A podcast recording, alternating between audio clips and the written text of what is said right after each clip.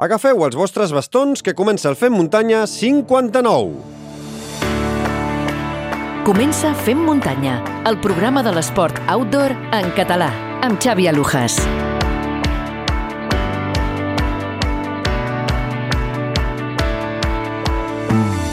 Benvingudes i benvinguts. Com esteu, fem muntanyeros i fem muntanyeres? Comença una nova edició del Fem Muntanya, el vostre programa especialitzat en esports de muntanya i en català.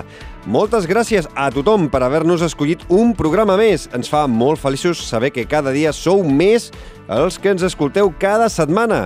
Ja sabeu que si us agrada el programa i ens voleu donar un cop de mà, teniu la possibilitat de col·laborar fent-vos subscriptors premium per només 2 euros al mes. Només cal clicar l'enllaç que trobareu a les notes del podcast. A tots els que us heu animat fins ara, només tinc paraules d'agraïment. Mil milions de gràcies pel vostre suport! Abans de repassar el menú d'avui, deixeu-me felicitar l'Oriol Antolí, que aquest cap eh, de setmana passat va guanyar la Backyard Ultra Serra del Mos, que organitzava en Marc Fernández. Per qui no ho sàpiga, la Backyard eh, Ultra és una prova que neix originàriament a Tennessee, als, als Estats Units, de la mà de Lazarus Lake, sí, sí, el creador de la Barclay Marathon. Consisteix en anar completant voltes a un circuit de 6,7 quilòmetres i 90 metres de desnivell positiu aproximadament en menys d'una hora. I a cada hora en punt es dona el tret de sortida de tots els corredors que hagin acabat la volta anterior i no hagin volgut abandonar. La Bayard eh, Ultra s'acaba quan només queda un sol corredor i completa una volta sencera – doncs l'Oriol Antolí va ser l'últim emplegat després d'atenció 34 voltes. Això significa 34 hores corrents, o gairebé 34 hores corrents, el que suma un total de 227,8 quilòmetres. Amb l'Oriol vam parlar aquí al Fer Muntanya en la segona edició, ja fa doncs, eh, més d'un any i mig.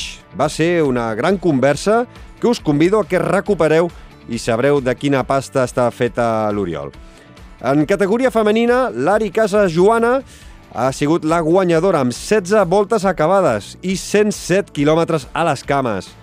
Enhorabona a l'Ari i enhorabona a l'Oriol per aquesta prova molt dura a nivell físic, evidentment, però sobretot mental.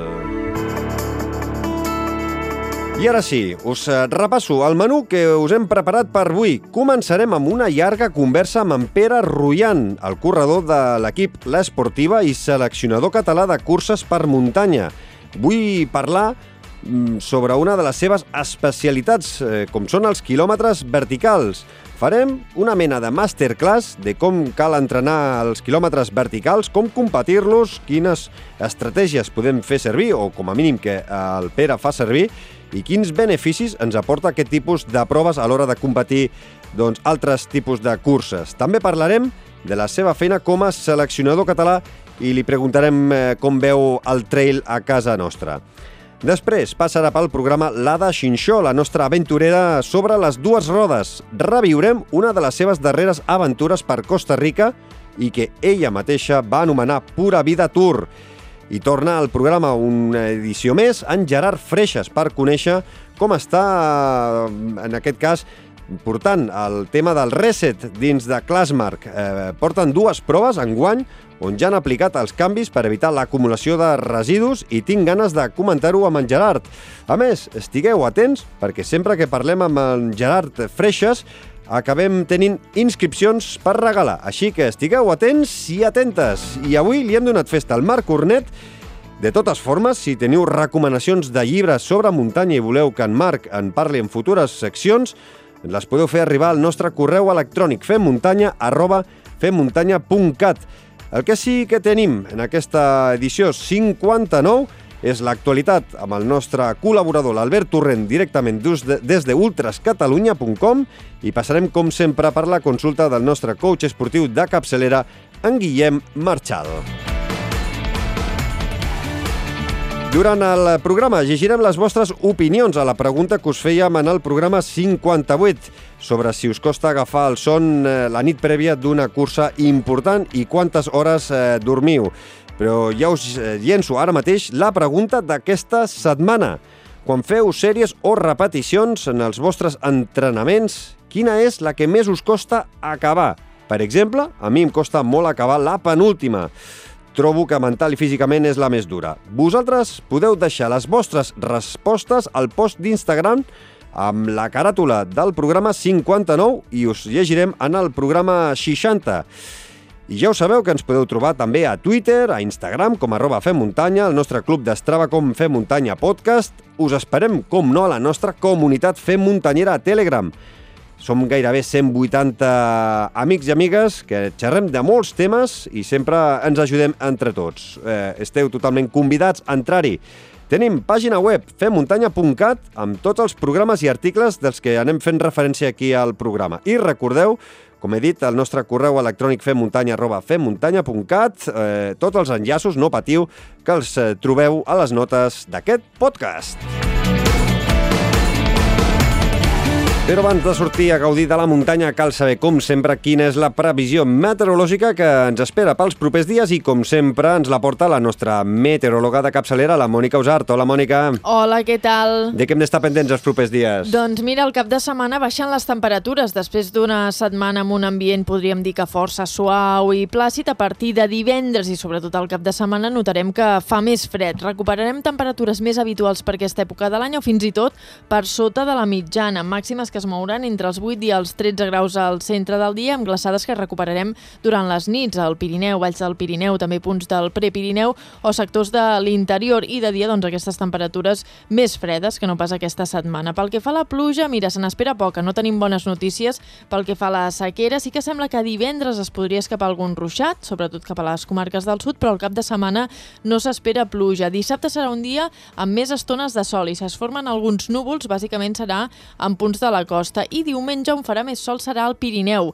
I a la resta del país sí que hi haurà alguns núvols baixos, algunes boires doncs, que mantindran un cel més ennuvolat. Per tant, un cap de setmana podríem dir amb pocs riscos. Sí que és veritat que entre divendres i dissabte podria bufar una mica el vent del nord, sobretot cap a l'Empordà i també als cims del Pirineu, però a la resta doncs, tindríem un cap de setmana prou tranquil, però amb alguns núvols. M'imagino que de moment eh, poca neu al Pirineu i Sí. el risc de llaus eh, baix, per Sí, sort. sí, el tema de les nevades aquest any no el tenim gaire bé. Aviam si el mes de març ens dona alguna sorpreseta, no? Encara li deixem temps o què al març? Bueno, normalment entre finals de febrer i març són els, eh, les setmanes que hi ha més neu. El Sí. problema que hi ha és que dura poc eh, al Pirineu i és quan el risc de llaus és, és més elevat. Exactament. Eh, Mònica, no marxis, perquè No hem de resoldre el, el sorteig de la inscripció pel camí dels matxos que vam engegar fa 15 dies. Hem rebut un total de 7 correus d'entre tots els fem muntanyeros Premium i m'has de donar un número. Tu mateixa, quin número em dius? Quin rang tinc de números? De l'1 al 7. De l'1 al 7, eh? Doncs mira, el 4. El 4, doncs el guanyador és en Jordi Vila Josana, que ens deia bon dia, fem muntanyeros. El propers dies 8 i 9 d'abril s'esperen a Torelló 1.100 matxos, entre els quals m'agradaria estar-hi jo. Una abraçada i ens veiem a les muntanyes. Doncs mira, eh, el Jordi Vila Josana, que s'emporta aquesta inscripció pel camí dels eh, matxos. Ens posem en contacte amb el Jordi per fer-li arribar la via per eh, poder fer la inscripció. Mònica, ens escoltem d'aquí 15 dies aquí al Fem Muntanya. Molt bé, que vagi bé. Cuida't, una abraçada. Igualment. Fem muntanya, l'esport outdoor en català. Avui es passa pel Fem Muntanya un especialista en quilòmetre vertical, corredor de l'equip de l'esportiva i seleccionador català de curses per muntanya. Pere Ruian, benvingut al programa. Hola, bona tarda, com esteu? Molt bé, Pere, moltes gràcies primer tot per acceptar la invitació. Tinc moltes ganes de parlar amb tu de diferents temes que anirem tractant en els propers eh, minuts. Primer de tot, escolta, eh, eh, em sorprèn perquè quan comences a mirar dic que ets molt jove, tens només 32 anys, el faràs d'aquí ben poc, has sigut campió d'Espanya de curses per muntanya, has fet podis en campionats europeus, has guanyat multituds de quilòmetres verticals i a, mi, i a més ets eh, seleccionador català de curses per muntanya per la FEC des de ja fa més de dos anys. Eh, com va néixer la teva passió per la muntanya i com treballes la, la, la teva part com a esportista i la teva part com a seleccionador? Doncs, bueno, a mi, jo sempre he viscut al món de l'esport, no? Sempre m'ha agradat fer esport. Eh, sí que és cert que, per exemple, el córrer i l'esport més aeròbic i per la muntanya, doncs el vaig descobrir relativament tard, eh, quan tenia 19 anys, però, però això sempre està lligat a l'esport i sempre intentem compaginar tot i al final doncs, vaig estudiar CACE, que és Ciències de l'Activitat Física i l'Esport, i és a dir, l'activitat física i l'esport per mi sempre han sigut el motor de la meva vida, no? i és el que m'agrada, i a partir d'aquí doncs, bueno, hem anat avançant i, i mica en mica doncs, anem, anem descobrint mons i estic molt content de, ara per ara la trajectòria que, anem, que hem fet. I, I com portes aquesta part d'esportista de, per tu, la part de seleccionador i, i, i a, a més a més també ets entrenador? Sí, al final, bueno, e, és un món molt minoritari, no? I al final, doncs, bueno, t'has d'espavilar una mica i, i es tracta de, doncs, bueno, so, em considero un privilegiat no? per fer el que m'agrada, això per, per suposat, i llavors a partir d'aquí doncs, he, anat, he anat avançant, he anat explorant mons, eh, ja et dic, vaig estudiar a CAFE i m'agrada el món de l'entrenament, i llavors, bueno, una mica relacionat, evidentment, amb què m'agrada córrer i, i encara sóc esportista en actiu, doncs, bueno, vaig compaginant una mica les facetes més de, de tècnic, no? de seleccionador, d'entrenador i de corredor. Al final, doncs, bueno, això, no és un món professional i has de, has de reinventar-te una mica don, i doncs, no només dedicar-te a entrenar, sinó també altres facetes de l'esport que, que també t'ajuden a complementar eh? i entendre el món de les curses d'una altra manera, potser, i afrontar, afrontar l'entrenament també del dia a dia d'una altra manera. Llavors, bueno, estic molt content una mica de la meva evolució que he portat fins ara. Eh, ah, si no fossis seleccionador i no portessis també gent, és a dir, que entrenessis a, a, a gent, a altres esportistes, eh, podries viure només de córrer tu o, o això ara mateix és impossible? Uf, ara mateix és bastant una utopia. És a dir, jo crec que, a veure, pots tenir un sou mínim base del, i viure això, amb un sou mínim base interprofessional, però això et requereix una implicació i un, volcar-te amb l'esport no? integralment i una dedicació exclusiva eh, d'entrenar i que tots sabem que l'entrenament en dos més dos no solen ser quatre, no sempre són quatre, mm. llavors poden passar mil coses. Llavors, clar, a mi no, no em compensa realment, és a dir, fer una dedicació exclusiva per intentar tenir un son mínim, però després poden passar mil coses que et desbarati la temporada, que un any no estiguis bé, que després doncs, bueno, és una inestabilitat que per mi no, crec que no em compensa, llavors vaig compaginant una mica tot i vaig omplint el sac de, de diferents eh, cantons. Eh, escolta, Pere, ets de Sawyer, igual que Tòfol Castanyer. Què, què és el que té Sawyer que dona grans esportistes? Eh, serà la Serra de Tramuntana, que la teniu allà?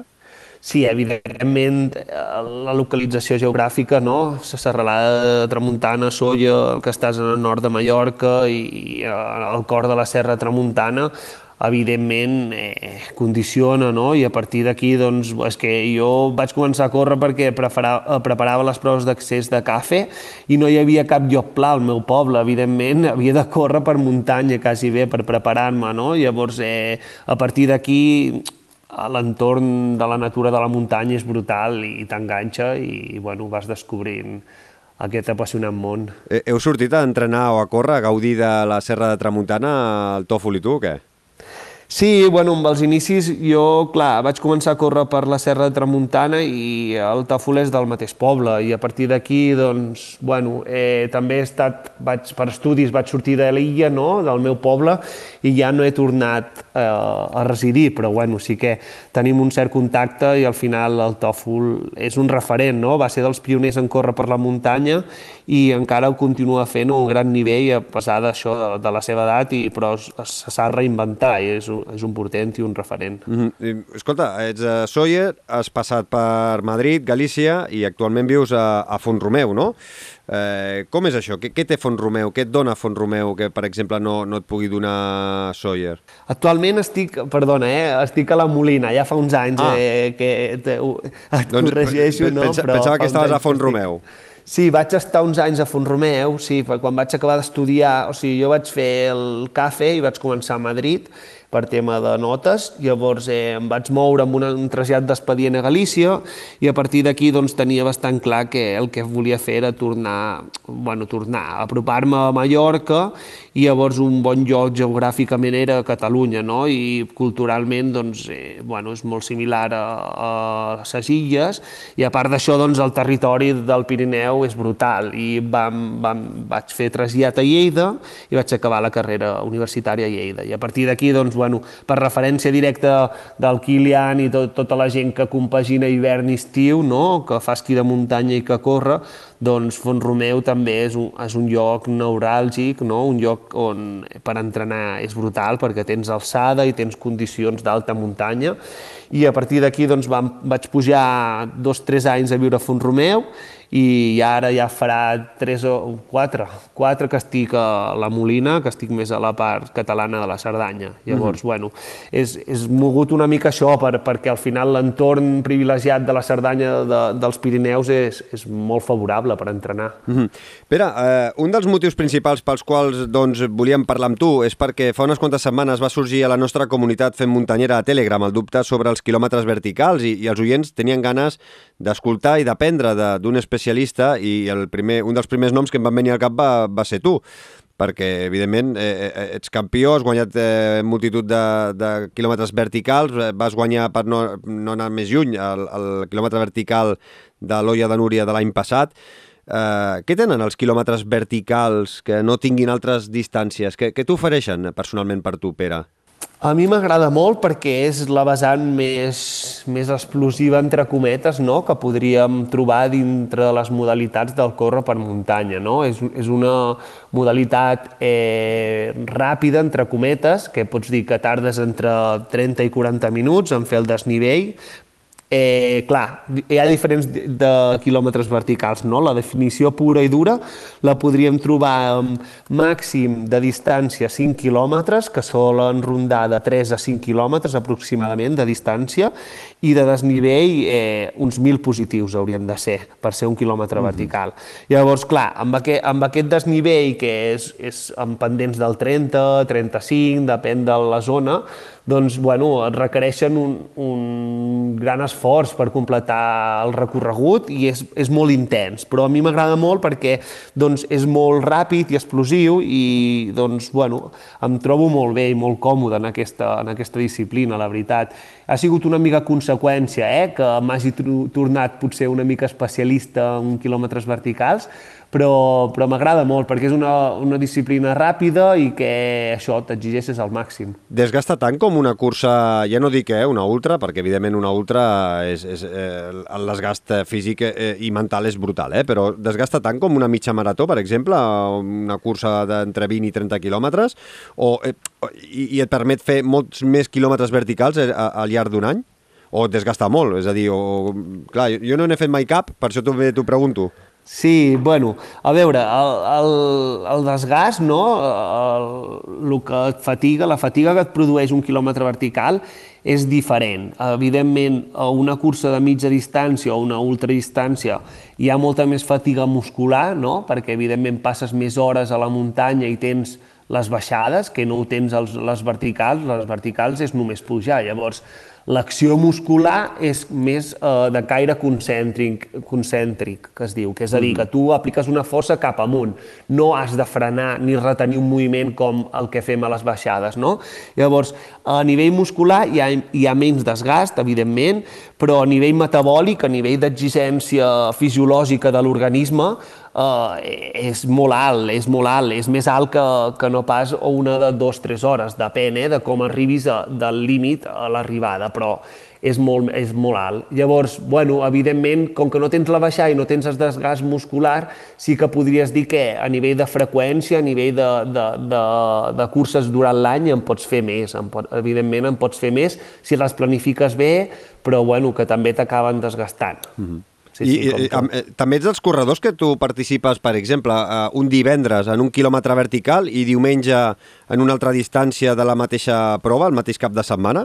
Bueno, és una de les avantatges que eh, t'ho permet, no?, un vertical. Si més no, per exemple, la passada olla de Núria, jo vaig córrer dissabte a la vertical, que pujaves al Puigmal, i el diumenge vaig fer la cursa de l'olla, vaig fer la mitja de l'olla, perquè era el campionat de Catalunya, precisament la, la cursa de, de la vertical, i em feia molta il·lusió. Al final eh, era un títol que em feia molta il·lusió. Llavors vaig repetir dues curses en un mateix cap de setmana. I, sí, sí, i, i arribes a recuperar bé o no? O, o passa a facturar l'esforç diumenge hi ha moments que dius, ostres, eh, aquí la, la, el quilòmetre vertical m'estic en recordant.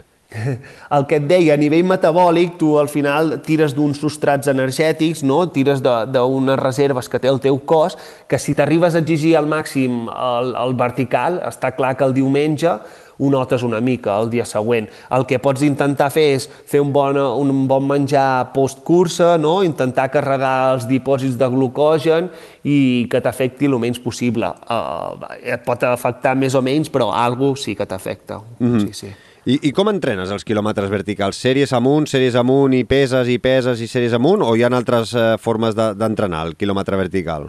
Bueno, bàsicament ho has dit tu, al final el més específic, el més similar seria entrenar a costes amunt, no? diferents pendents. A partir d'aquí, doncs, bueno, pots fer-ho i pots simular-ho de moltes altres maneres i pots creuar entrenaments, per exemple, pots compatibilitzar l'esquí de muntanya a l'hivern, que va molt bé per pujar, et posa molt, molt fort perquè fas un treball de força, a part de fer un treball de cardio i un, i un treball amb alçada, Eh, la bicicleta també va molt bé per treballar els quilòmetres verticals perquè al final l'acció muscular també és bastant similar a les pujades, no? I a partir d'aquí doncs, va, vas fraccionant una mica la duració total de, de lo que és la prova i, i vas ficant diferents canvis de ritme. A part, també hi ha altres elements, com pot ser els bastons, que és un element molt important dintre els quilòmetres verticals, que si ja s'utilitza en curses de mitja distància o de llarga eh, amb un esforç més curt, no? amb un esforç més curt encara és més important. Llavors, així utilitzes tota la musculatura del cos i la tècnica dels bastons, que també s'ha de treballar perquè és molt important per buscar no? una eficiència, buscar ser, ser, gastar poc, consumir poc i aplicar bé la força, i això també és, és molt important, treballar els bastons per, per la cursa vertical. I, clar, a veure, en una cursa de mitja de llarga distància sempre hi ha un punt d'estratègia, de, d'alimentació, d'on apretar, no apretar, aquí, saps? En un quilòmetre vertical hi ha estratègia que puguis planificar sí, sí. o és 100% eh, des de que comences fins al final? Clar, aquí dependria, no? la, la tàctica la podries, la podries desglosar una mica. Depèn primer de tot si la sortida és en massa o és individual, no? perquè eh, el format de vertical es pot donar això, amb una sortida que sigui tota la gent conjuntament, llavors aquí sí que ja tens referències, no?, potser dels teus rivals o de la gent que competeix, i pots, pots tenir referències visuals de com vas de ritme i a partir d'aquí gestionar l'esforç d'una manera o de l'altra. En canvi, si és una cronoescalada, no?, si és un contra el crono, que tu no tens una referència visual o potser pots anar avançant algú o tal, però no ho tindràs tan fàcil, no?, tenir les referències. Llavors aquí sí que et diria més que és sortir a tot el que puguis i gestionar al màxim. I aquí entraria molt també el teu coneixement del teu propi cos, no?, i la teva veterania una mica eh, per tal d'apretar des del minut zero i gestionar, gestionar la cursa. També diria que és molt important conèixer el terreny i el circuit per on es, es fa, no? perquè com més curés, com tu dius, eh, menys marge d'error tens. No? I a part, bueno, si, si després posem la situació de que sigui una sortida conjunta, doncs aquí sí que ja bueno, pots, pots estudiar una mica més els rivals o pots conèixer qui corre aquell dia i a partir d'aquí bueno, voler jugar una mica les teves cartes, no? el que et beneficia. Si dius, bueno, jo sóc un corredor que m'agrada més córrer fort des d'inici i, i agafar distància per anar més tranquil, doncs perfecte. En canvi, si dius que no, sóc un corredor que prefereixo jugar-me-la més a, al tram final, doncs, bueno, és una altra mm. opció. I fins a quin punt és, sí, sí. és important la, la part mental? Perquè, clar, evidentment, posar el teu cos al límit durant 30-40 minuts en el cas vostre, dels de corredors d'èlit, i potser 50 minuts, una hora als no professionals, als mortals com, com jo, en aquest cas, eh, clar, la part mental m'imagino que ha de ser eh, important per no defallir i aguantar aquell ritme, no? aquelles pulsacions agòniques. Sí, i tant. Bueno, al final doncs, eh, hi, ha, hi ha estratègies, hi ha, o sigui, el que et deia abans, si coneixes el terreny, doncs tens molt guanyat, perquè pots ajustar una mica el teu patiment, el teu esforç, al circuit i saber què et queda no? per completar i acabar la prova. A part d'això, doncs, bueno, hi, ha, hi ha estratègies o petits trucos, no? com pot ser interioritzar alguna frase o interioritzar... A mi el que em passa a vegades és que entro un bucle quan estic, estic patint i començo a comptar, no? començo a comptar de l'1 al 10 i torno a començar. I, i així com evadeixo pensaments, no? és a dir, tu no penses, et centres en, en el teu cos, en exprimir-te al màxim i no, no et passa res pel cap. Sí, està, sí. està bé, no hi havia pensat això, d'anar comptant i, i, i quan vas comptant, vas comptant, vas fent passes i, i menys metres que et queden fins a la línia d'arribada. Està, està bé, està ben pensat això, Pere. Exacte, sí, pots fer-ho així o petites estratègies de dir, bueno, ara sé que em deuen quedar 5 minuts, doncs aguanto una sèrie de 5 minuts que ja sé el que és, no?, per dir-te alguna cosa. Llavors mm. vas fraccionant una mica el que és la totalitat de l'esforç en petits trams. Uh, el quilòmetre vertical, eh, uh, o sigui, els especialistes com tu en quilòmetres verticals, eh, és compatible amb totes les distàncies eh, de córrer per la muntanya o diguéssim que eh, sou més competitius amb curses més curtes. És a dir, per exemple, poso el cas, potser, evidentment, eh, és un cas exagerat, però Kilian ha guanyat ultras, ha guanyat quilòmetres verticals, eh, però clar, hi ha molts pocs corredors que siguin campions de quilòmetres verticals i guanyin ultras. És a dir, fins a quina distància un especialista com tu o com, com el Jan Margarit eh, podeu guanyar també curses eh, en altres distàncies? Fins a, fins a quina distància sou competitius? Clar.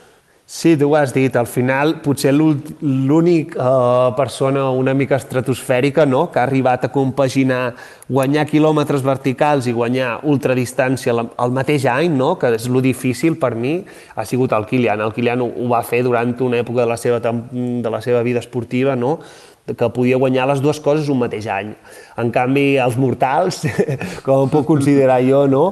eh, jo crec que tu pots preparar un quilòmetre vertical i una cursa de mitja distància posem fins a 30 quilòmetres, més o menys, i ser competitiu amb les dues coses.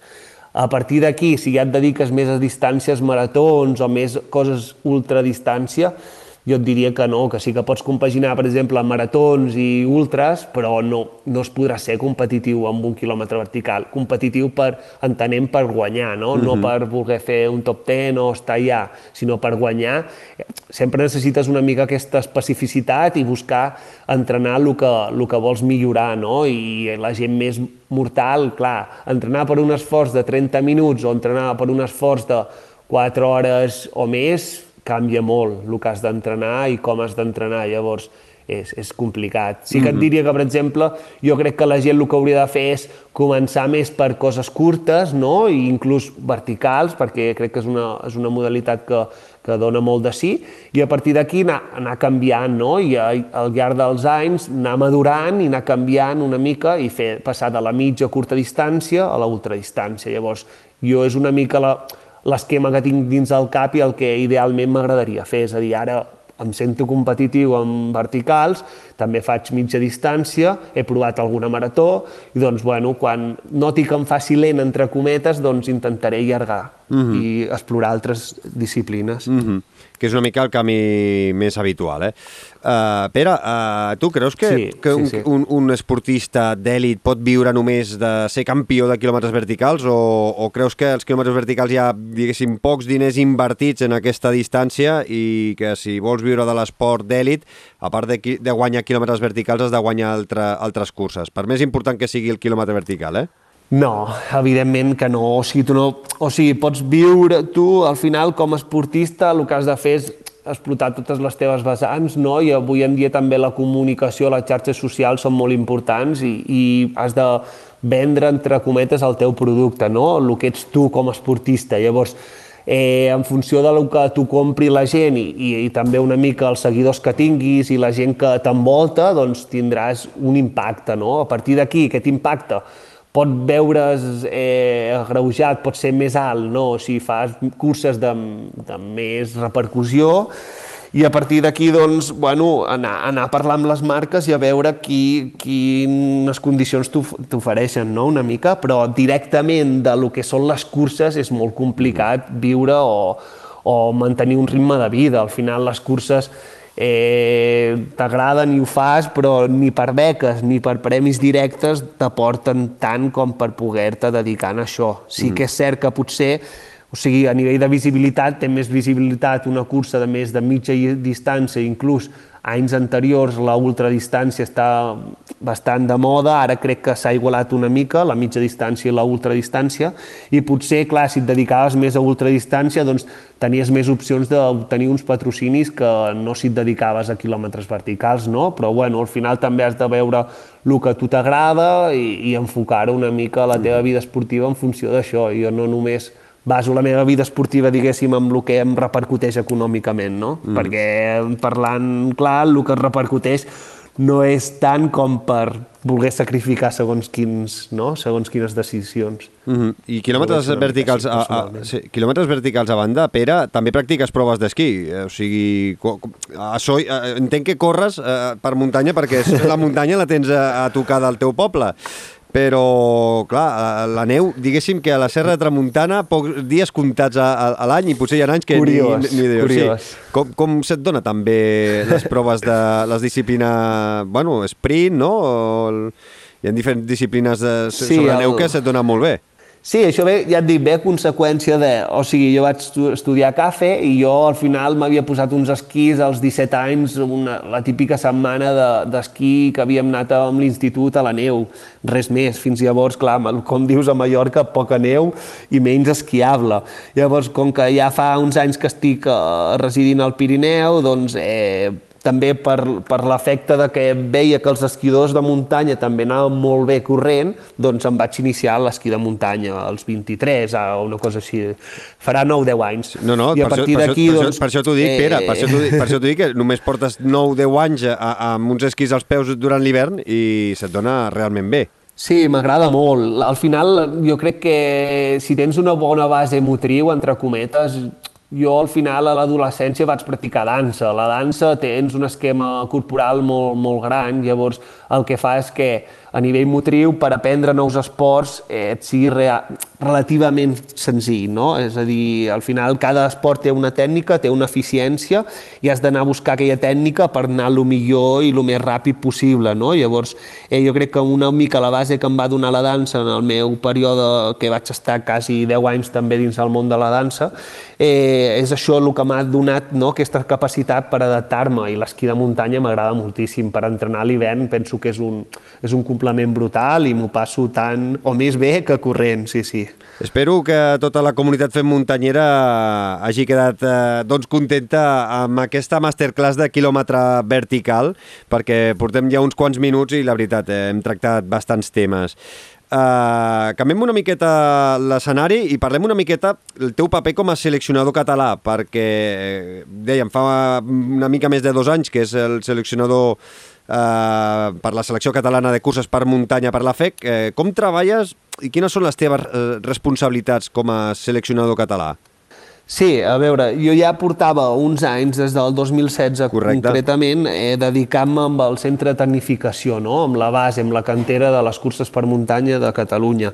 A partir d'aquí, doncs, bueno, eh, el Fernando Rosa, que era l'antic seleccionador, eh, eh, va deixar-ho estar una mica, encara que continua amb mi, eh, com a tècnic, i llavors bueno, vaig agafar jo el relleu. Al final, la vessant del seleccionador és una vessant com més més administrativa, o com li vulguis a dir, és, és un vessant més de seleccionar purament i d'anar veient quins són la gent que, que realment està al millor nivell a Catalunya, que participa a les curses FEC, i a partir d'aquí doncs, donar oportunitats no? de vestir la samarreta de Catalunya a nivell, a nivell estatal o a nivell eh, mundial, a la Copa del Món de Skyrunning, per mm. exemple. Mm. I, I et selecciones tu personalment eh, a tots els corredors en totes les disciplines, a l'ultradistància, la, la mitja distància, distància i en els quilòmetres verticals? Sí, sí, jo sóc l'encarregat de, de partir, ja et dit, dels criteris tècnics que s'estableixen i dels resultats de, dels corredors catalans, eh, doncs, seleccionar i, i doncs, almenys proposar a la gent si vol venir a vestir la samarreta de Catalunya, als campionats i, i, doncs, bueno, i uh -huh. organitzar tot el que és la logística dels viatges, estudiar la cursa, fer inscripcions, doncs, bueno, tota aquesta part més d'oficina, no? I per quins preparar són, i, els i, objectius. I quins són aquests criteris que, que feu servir? Només són els temps en les curses FEC o hi ha altres criteris tècnics a l'hora de eh, seleccionar un corredor o una corredora? No, bàsicament és això, al final és la participació dels corredors al circuit català de les curses per muntanya FEC eh, d'un any per l'altre i, evidentment, dins la mateixa temporada. Al final també depèn de quan, quan cau aquell any el campionat, doncs eh, els els criteris són més en funció d'aquell any o en funció de l'any anterior. No? Per exemple, aquest any el campionat de, fet de cursa vertical és al març, que quasi bé no ens ha donat temps d'arrencar la temporada i, i per això, per exemple, aquest any hem, hem organitzat des de la federació un test de cursa vertical que es va portar a terme el, el cap de setmana passat, on doncs, bueno, tota la gent que estava interessada en poder ser seleccionat doncs, es podia presentar i podia anar a córrer el test, no? que juntament amb les proves de l'any passat de Copa i Campionat de Catalunya doncs, són, són puntuables per tal de, de fer finalment la selecció. I, i eh, des, de, eh, des del temps que tu ja selecciones un corredor, perquè normalment, quan, quan, és a dir, eh, quan hi ha un campionat ara, per exemple, al març, eh, o al maig, o al juny, quants mesos abans eh, ja has de seleccionar l'equip en cada disciplina? Clar, això depèn una mica també de, de, cada, de cada organització i de quan ens, els timings ens fiquen no, per fer inscripcions i tal, però més o menys un mes abans, com a molt tard, ja està feta la selecció, inclús abans. Al final, eh, mes i mig, dos, hauria de, ja, ja estem fent els números, en canvi, eh, és això, depèn una mica de la cursa. Però I... aquesta, aquesta, per exemple, aquesta setmana ha sortit el d'Ultras, que és el 20 de març, o sigui, un mes i mig abans, més mm. o menys. I des de que tu selecciones els corredors fins al dia D, eh, segueixes una mica la, la pauta dels entrenaments de, dels corredors de la selecció catalana? O confies en ells? O, o com, com ho porteu, això? No, això sí que, sí que és, hi ha una confiança i, i al final, com que estem en un esport minoritari que cadascú fa una mica el que pot o, el que vol, no?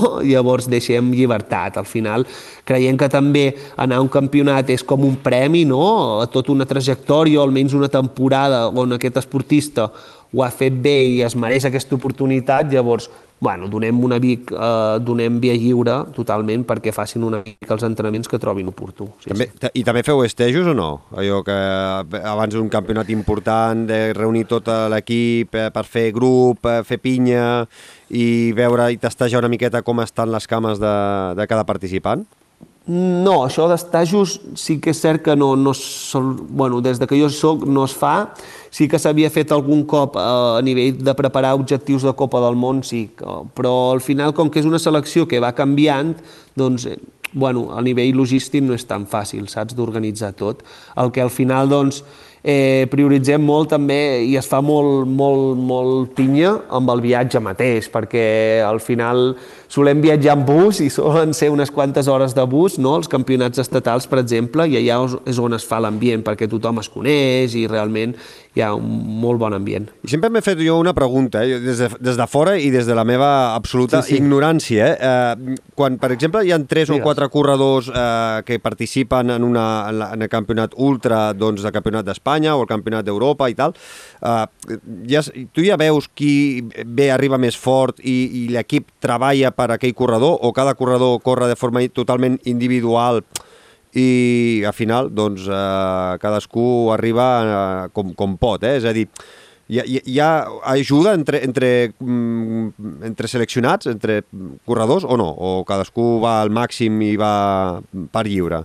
Eh, et diria que cadascú va per lliure, evidentment és, clar, és un esport individual, sí que puntuem com a selecció també, i sí que es demana que almenys hi hagi un compromís de la gent que quan, per exemple, en el cas d'una marató o una ultra, doncs acabar, perquè ens hi va una mica la puntuació no?, com a selecció, però a partir d'aquí una mica l'estratègia de cursa se l'elabora una mica cada corredor. Sí que és cert que doncs, com a seleccionador i tècnics doncs, elaborem una estratègia a nivell ho comentem no? a nivell de on voleu que us habituallem, no? perquè depèn de la cursa doncs, hi ha més habituallaments o menys, si podem per logística, jo què sé, arribar a dos o arribar a tres o tenir tècnics a dos o tres avituallaments. Això sí que es comenta i a veure que, quin avituallament creieu que serà més necessari que us donem alguna de menjar, alguna de beure, que són les zones on es pot avituallar. A partir d'aquí, això és tota l'estratègia més o menys que es fa, tot el que és eh, comportament durant cursa no? o ritme de cursa, eh, ja parteix una mica de, de la individualitat de cadascú. Sí. Mm. I com tenim la cantera juvenil per un futur proper? Tenim bons corredors i corredores que estiguin allò a punt de- despuntar? De, Com ho veus? Sí, no, evidentment. Jo crec que si una cosa tenim fort a Catalunya, a part del gran gruix de corredors en totes les disciplines, eh, també és la cantera. Jo crec que al final la feina de la federació, i no és perquè jo la dirigeixi, eh, sinó és per els recursos que s'inverteixen i per, per una mica tot la filosofia de, de la FEC en aquest sentit. Jo crec que sempre s'ha cuidat molt bé la gent a la pedrera i aquest camí és, és l'encertat. Al final doncs, està donant resultats i, per exemple, el Mundial de l'any passat eh, de la selecció espanyola hi havia, ho dit de memòria, però set o vuit corredors, corredores d'una quinzena o així, o sigui, la meitat eren catalans.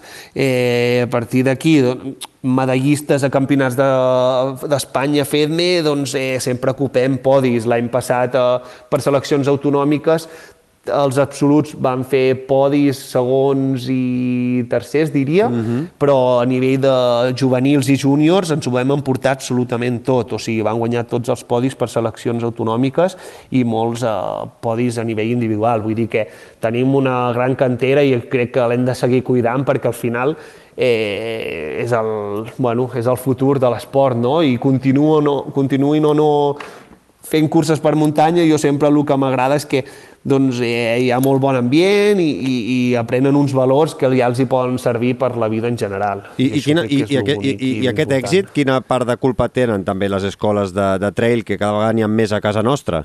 Moltíssim, si al final, clar, la feina que fa de base la gent a cada entitat excursionista i les escoles de trail, doncs és clau, no?, per això, perquè al final la feina, entre cometes, nostra és fàcil, és a dir, és, és nutrint de, de l'esforç i el sacrifici que fan aquesta gent en el seu dia a dia i, i aquests nanos que es compaginen a, per estudiar i per entrenar i per, per portar-ho tot el dia. Llavors, eh, jo crec que les escoles de trail tenen tenen molt, molt, molta culpa no? de, dels resultats i al final la federació ho ha acabat veient també en el tema que s'està treballant doncs intentem a través del comitè d'escoles de trail intentar treballar una filosofia comuna no? anar tots una mica en la mateixa direcció encara que cadascú segur que té les, les seves particularitats però intentar que aquest èxit que tenim en global a les curses, doncs analitzar el per què no? i anar veient factors que influeixen i, i compartir maneres de treballar que sempre enriqueix i això s'està fent també des de la federació i crec que és un projecte molt bonic. Van començar aquest any perquè la pandèmia ens ho ha retrasat una mica tot, bueno, aquest any escolar, diguéssim, van començar el 2021 amb, el, amb un calendari de, de curses per, a, per nens i nenes i crec que també és una bona, una bona opció perquè s'iniciïn de manera bastant lúdica, eh, les curses per Sí, sí, muntanya i tant. que s'ho passin bé. Eh, El més important en aquestes edats eh, és que gaudeixin de, de la muntanya, de la natura i dels valors que, que dona doncs, a- aquest esport. Ens pots dir, eh, Pere, ens pots Que donar vinga, molt. algun, algun nom d'algun corredor, alguna corredora que diguis eh, ojo amb aquest o amb aquesta corredora que d'aquí poc eh, la veurem a nivell internacional, és a dir, que li veus una fusta de... Eh, saps? Eh, ni molt menys dir que, que, que pot ser el nou Kilian, ni molt menys, eh, perquè això només n'hi ha un, eh, però que dius, ostres, ojo amb aquest corredor que tenim aquí en cantera a la selecció catalana, que, que se'n parlarà. Eh, em sap greu, però no em mullaré. És que No? em, em sap molt greu Va. perquè crec que tots s'ho mereixen. Vull dir, tenim 23 nanos i noies i nois, és a dir, Bueno. tenim, aquest any tenim quasi bé paritat i tots són molt bons. És que no et podria dir un nom perquè crec que tots són molt bons i, i segur que tots ho faran molt bé, sí, sí. Cor has estat aquí correcte i, a, i elegant. Escolta, i com treballeu? en No, el és que no, no, sí, no, no, final- no, però que diguis, ostres, mira, ojo amb aquest perquè, ostres, sí, vull dir, que li vegis una fusta diferent, saps? Allò que dius, ostres, aquest és, és, és un nano que és diferent, mm, apunta, o saps? Vull dir, o, o sent júnior o ser infantil, eh, ja està per sobre de la seva categoria i, i potser el veiem a sènior abans d'hora. Vull dir que... Eh, Per això, per això t'ho preguntava, eh? però sí, eh, evidentment que, que teniu grans corredors, això és, és, és innegable. Bueno, és que crec que, Xavi, en aquestes edats, és a dir, hi ha gent que destaca molt, però al final també eh, tots madu- maduren una època diferent, no? Potser, i el que aquest any està molt fort, l'any que ve no, potser no ho està tant o el que sigui. Sí, sí. Llavors, bueno, al final crec que posar pressió afegida no cal. Mm. Com treballeu al centre de tecnificació amb aquests nanos tan joves? I, I quins aspectes treballeu més? Bueno, si, si, filosofia- si, si treballeu més Yes. la part física, la, part, la tècnica, l'estratègia, la part mental, eh, la, la, una part més educativa... Què, què, què és el que... que, que com, com treballeu i quins aspectes treballeu amb, el, amb els nanos? Sí, el que ens estem trobant és que cada vegada venen més preparats i ens ho posen una mica més difícil, la veritat. Eh, Ens ho trobem, eh? Per, precisament per això, per la feina que fan les escoles de trail, cada vegada doncs, són nens i nenes que venen més madurs, venen més conscients de la competició i venen més conscients de, amb més ganes no, de menjar-se el món. A partir d'aquí doncs, hem de detectar una mica quines són les carències de cadascú, anar veient eh, com entrenen, eh, el per què fan allò, i a partir d'aquí doncs, entren molts aspectes. No? El, programa de tecnificació es basa en trobades de cap de setmana, bàsicament, encara que algun entrenament també fem entre setmana. Llavors, eh, en aquests programes, me- aquest cap de setmanes més o menys intensius, el que intentem és tocar diferents aspectes no? I, i anar, anar complementant una mica l'aspecte integral que té no? el rendiment, perquè el rendiment no només és córrer, han de conèixer el medi, han d'aprendre com s'ha de moure per la muntanya, és seguretat, és nutrició, fem tallers de nutrició, fem tallers de psicologia esportiva, que al final eh, a nivell mental és molt important com gestionem eh, els esforços, no? com gestionem les proves, eh, el nostre dia a dia, cada dia que em costa més entrenar, menys, eh, la nostra motivació, doncs eh, també els fem partíceps una mica del que és el procés d'entrenament, eh, perquè no només sàpiguen que avui em toquen, jo què sé, 10 pujades d'un minut, no, el per què entrenem allò i el per què avui s'ha d'entrenar fort i demà doncs potser no, potser s'ha d'entrenar més suau per assimilar precisament l'entrenament que hem fet ahir.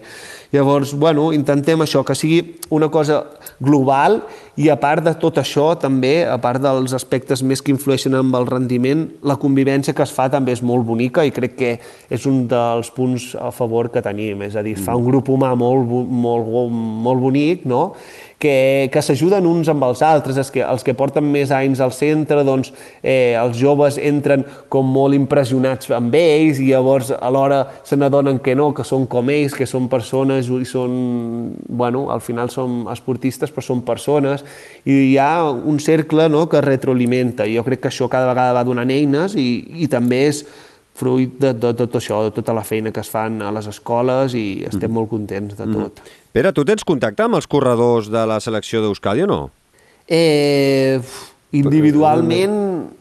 Mm, més que res perquè volia- algun, potser, ho diu, per què ho dius? Sí, no, perquè volia saber la teva opinió, no? Una miqueta des del teu punt de vista com a seleccionador, aquesta plantada que, que, que van fer a finals de, Sí. de l'any passat, eh, que, que una, de, Sí. la majoria de corredors doncs, que han plantat eh, i han deixat, de moment de córrer, amb la Federació Basca Ja. de Carreres per Muntanya. No sé si té fàcil solució o no, no sé què, què n'opines. Més que res la teva opinió com a seleccionador, perquè clar, veure, dius, ostres, això és una cosa Ja. que, que, que, que evidentment no, no, no, no, no té per què passar cap selecció, a, a, a cap eh, federació més, eh? però eh, és, és curiós eh, que, que l'origen de la polèmica sigui la destitució de, dels dos seleccionadors bascos i, i que bueno, s'ha- s'han plantat el, el, els corredors, no? O sigui, com, com ho veus tu? Ja. Bueno, jo, jo directament et dic que al final no tinc relació en cap, o sigui, els conec i tot, i bé, des d'una perspectiva externa, o sigui, no tinc cap, això, cap opinió personal d'ells, eh? El que a mi em sembla és que al final, doncs, bueno, mm, des de la directiva de la federació, doncs, potser es va optar per, per canviar de professionals que dirigissin la selecció, i a partir d'aquí, doncs, eh, els corredors imagino que deurien tenir algun vincle més personal o que més efectiu amb, amb la gent no?, que dirigia el, la selecció i, i a partir d'aquí doncs, bueno, han, han pres la decisió de, no, de desvincular-se perquè, bueno, perquè no, sé, no estan d'acord amb, amb això, amb la destitució. Mm. És complicat. Jo et diria que al final doncs, Eh, jo estic a la disposició també d'una directiva d'una federació. Evidentment, jo intentaré fer tota la feina, la feina el millor possible, però a vegades doncs, pots encaixar més amb una filosofia d'una direcció tècnica o, me, o menys, no? I a partir d'aquí, doncs, eh, entenc el posicionament dels corredors, no? Jo l'entenc, que ara, bueno, Mm. I saben el que guanyen o el que perden deixant de, de, de vestir la samarreta i segur que ho fan per convicció i perquè els hi, perquè els hi compensa no? Mm. Uh, uh, ajudar o voler uh, no sé, mm. Respaldar o voler no? donar sí, sí. credibilitat al seleccionador. Ara bé, amb la seva acció malauradament no crec que canviïn la, la decisió de, de la directiva i al final, doncs, bueno, uh mhm. -huh. eh, s'ho prenen així veure, i és totalment respectable. A veure, a veure com acaba la cosa, si es soluciona aquest any 2022. Sí. I, I després també la teva, volia demanar la teva opinió sí. com a seleccionador català, perquè a finals de desembre de l'any passat, en primera instància, i a principis de gener d'aquest any, en segona instància, va sortir la sentència que havia de deixar clar les diferències entre les carreres per muntanya, el trail running i les discrepàncies entre la FEDME i la Federació, la Real Federació Espanyola d'Atletisme. Creus que aquesta sentència deixa clara alguna cosa o deixa tot tal com estava i, i ho deixa tot empantanegat i doblem els campionats? Eh, creus que tot eh, continuarà igual o veus que aquesta sentència pot eh, solucionar aquestes discrepàncies?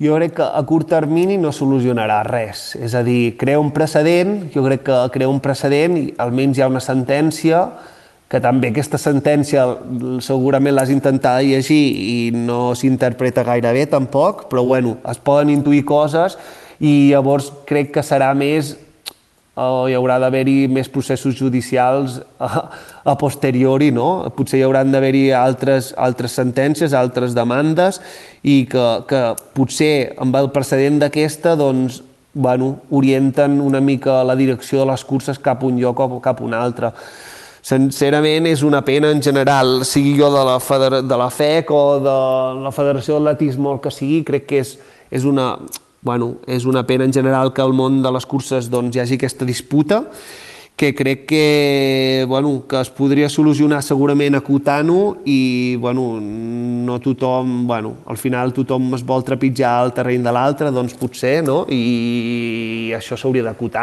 Mm. No sé, és, no, és complicat, clar, jo, jo, eh? I crec que a curt termini no té fàcil solució. Jo t'ho pregunto perquè, evidentment, jo sóc corredor, Digues, total, no, jo soc corredor totalment amateur eh, i, i clar, des, ja. no, des de, totalment des de fora ho veig que a vegades dius, ostres, hi ha campionat de, de Copa d'Espanya de la Federació d'Atletisme, Copa d'Espanya de la FEDME. Eh, a Catalunya passa el mateix, la, les, els campionats de la FEC i els campionats de la Federació Catalana d'Atletisme, tot doblat, i llavors al final dius, bueno, però sí. el, un corredor que corre per la FEC pot córrer també per la Federació de, Catalana d'Atletisme, per exemple, clar, al final no, no sé si pots, un mateix corredor pot córrer per les dues federacions, està permès, no està permès, no, no, clar, sí, són evident. tants dubtes que, que a vegades com a corredor sí. i com a espectador eh, són dubtes que a vegades eh, se'n passen pel cap. No, no, evidentment. Jo crec que amb la llibertat de, de que cadascú esculli el seu calendari i evidentment que pot fer-ho, no, no, només, no, només faltaria, no? perquè cadascú correrà les curses que li venen de gust. A partir d'aquí, Eh, jo crec que al final les competències per, per la llei catalana de l'esport o per, bueno, ja, per la, llei, la llei de l'esport en general només haurien d'estar acotades d'una mateixa disciplina a una federació. Això és una llei i, i llavors eh, potser hi ha algú que no, que no fa complir aquesta llei i aquí doncs, directament menciono el Consell Català de l'Esport o el Consejo Superior de Deportes. Aquesta gent, en teoria, són els que maneguen les federacions i són els que en teoria haurien de posar pau llavors, si aquesta pau no existeix és perquè no hi ha voluntat de diàleg tampoc o voluntat de fer dialogar la gent. Llavors, eh, sincerament, hi ha gent que les, les deixa passar i ja està. Si les deixem passar, doncs no posem solució mai. A, mm, a partir d'aquí, tampoc crec que la solució a nivell de professionalisme d'aquest esport passi perquè només una federació es faci càrrec de, d'aquestes disciplines. Eh? Hi ha d'haver-hi un procés evolutiu de la modalitat encara més gran, han d'anar entrant els mitjans de comunicació més, han d'anar entrant eh, les retransmissions que ja ho van fent eh, a poc a poc, però al final s'ha de fer més visible aquest esport perquè puguin entrar més recursos i no només per una inversió directa de les federacions a nivell de beques, no? per exemple, que podria ser un nivell de semiprofessionalització dels esportistes, eh, que clar, les federacions també tenen els recursos que tenen i no poden treure segons quines beques. Uh, evidentment, quan pensem en mons més professionals, els recursos venen d'àmbit privat, de marques, de circuits privats i tal, i a partir d'aquí això passarà perquè, perquè les curses tinguin més repercussió i tant de bo ho veiéssim que doncs, el públic, si fos més, no? hi hagués més volum de públic i així doncs, hi haguessin més recursos. Mm -hmm. Pere, vaig acabant, eh? I el tema de federatiu sí. crec que t'he contestat una mica. Sí, sí, no, no, queda, jo, jo, crec que... Jo crec, tot obert. Sí, sí, sí, no, no, ve, ve, veig que la, la, la, la, el problema és que qui ha de posar pau no posa pau i potser ja li va bé aquest desgavell una miqueta. Aquí, evidentment, eh, la, la política és tot menys clara, sí, sí. no? Llavors ja t'he contestat sí, sí. una no, mica No, no, no, sé que, sé que és un tema complicat, però clar, com a mm, seleccionador català que ets, eh, eh, no sé a qui preguntar-li, saps què et vull dir? I al final aprofites no, quan, quan, quan tu ets el seleccionador doncs, de, de preguntar-te una miqueta doncs, la teva opinió, a, a la, a, ja que ha sortit aquesta sentència, doncs, també com, com, com ho veus, si és que tot continuarà igual, eh, do, es doblaran eh, com, competicions, per... clar, vull dir, si, lo dels corredors, que a vegades passa... Per mi, que... clar, la muntanya en si la muntanya en si té, té molts terrenys de joc, no? Evidentment, hi ha molts tipologies de muntanya. Llavors, dins d'aquestes tipologies de muntanya, doncs es podria arribar a un acord amb un tipus de muntanya i un altre. Evidentment, per mi no té res que veure córrer un lloc o un altre i llavors també s'han de valorar els perills que implica córrer per muntanya, és a dir, mm i la seguretat crec que és un gran què a l'hora de, de, de veure cap, o, cap on es, es decreten les competències i cap on bueno, mm s'ha treballat sí, sí. més o manco a nivell federatiu, saps? Mm -hmm. Això és molt important, al final tots correm per muntanya i depèn d'on ho fem és molt més perillós que, que, saps, que un altre lloc. Llavors, mm. bueno, a partir d'aquí, no ho sé. Mm. Haurien de posar pau, ja et dic, a nivell, a nivell d'estaments superiors. Mm. Per sort tenim grans corredors que, que donen espectacle. Uh, Pere, vaig acabant, va. Uh, com a corredor, tens calendari i objectius de curses de, per muntanya? Et veurem, per exemple, no sé, a Cegama aquest any o no? Tens dorsal? T'ha tocat dorsal de l'any 2020? Eh, personalment, o sigui, no tinc dorsal, crec, però, bueno, tampoc ho sé ben bé si entra dins els meus plans, perquè ara, evidentment, a, a la primavera a mi m'agrada fer una transició progressiva, no?, i, i anar corrent una mica trobant les sensacions, i una marató al maig requereix d'un cert rodatge no, els mesos previs. Llavors, I t'agradaria, no sé si, i, si poguessis, i si poguessis, eh, la correries més que res, perquè sí. ja s'està anunciant corredors, el Kilian, el, Manu, el Manuel Merillas, el Remi Bonet, Jonathan Albon o, o l'Oriol Cardona, eh, que també el coneixes. I, i en homes sí. i en dones, la Maudi, la, Maude Mautis, la Diana Cortázar o, per exemple, la Sara Alonso. Eh? Vull dir que sí. al ser l'inici de, les, de les Golden uh, World Series. Serà una prova que marcarà l'inici de la temporada i amb moltíssim nivell. Si pogués, sí que la voldria córrer. Jo crec que si si volgués sí que la podria córrer, però llavors, bueno, encara he de fer, elaborar el calendari i veure si encaixa o no encaixa, però segur que serà de les curses més espectaculars perquè la gent en té moltes ganes, que torni Cegama, que torni l'ambient i, i es corre sempre a un nivell molt alt. Sí, I, sí. I, I tu, o sigui, deixant federacions a banda de, de tots els circuits comercials que hi han, hi ha algun que eh, t'agrada més que d'altres? Allò que dius, doncs mira, m'agrada més les Golden, m'agrada més les Spartan, m'agrada més eh, les proves d'Ultratrail de, del Montblanc Uh, hi ha algun circuit que t'agradi més que d'altres? Sí, ja dic, eh, federacions a banda d'aquests circuits comercials. Sí, no, a veure, jo crec que de nivells de, uh, per, de circuits uh, comercials, evidentment, eh, Salomon amb les Golden ho està fent molt bé perquè, perquè realment està, està aglutinant els millors corredors i està fent diverses tipologies. Per això, mm, a nivell de circuit en si, no em quedaria amb Golden, em quedaria amb Sky Running World Series, que, que m'agrada molt més per tipus de terreny i tecnicitat.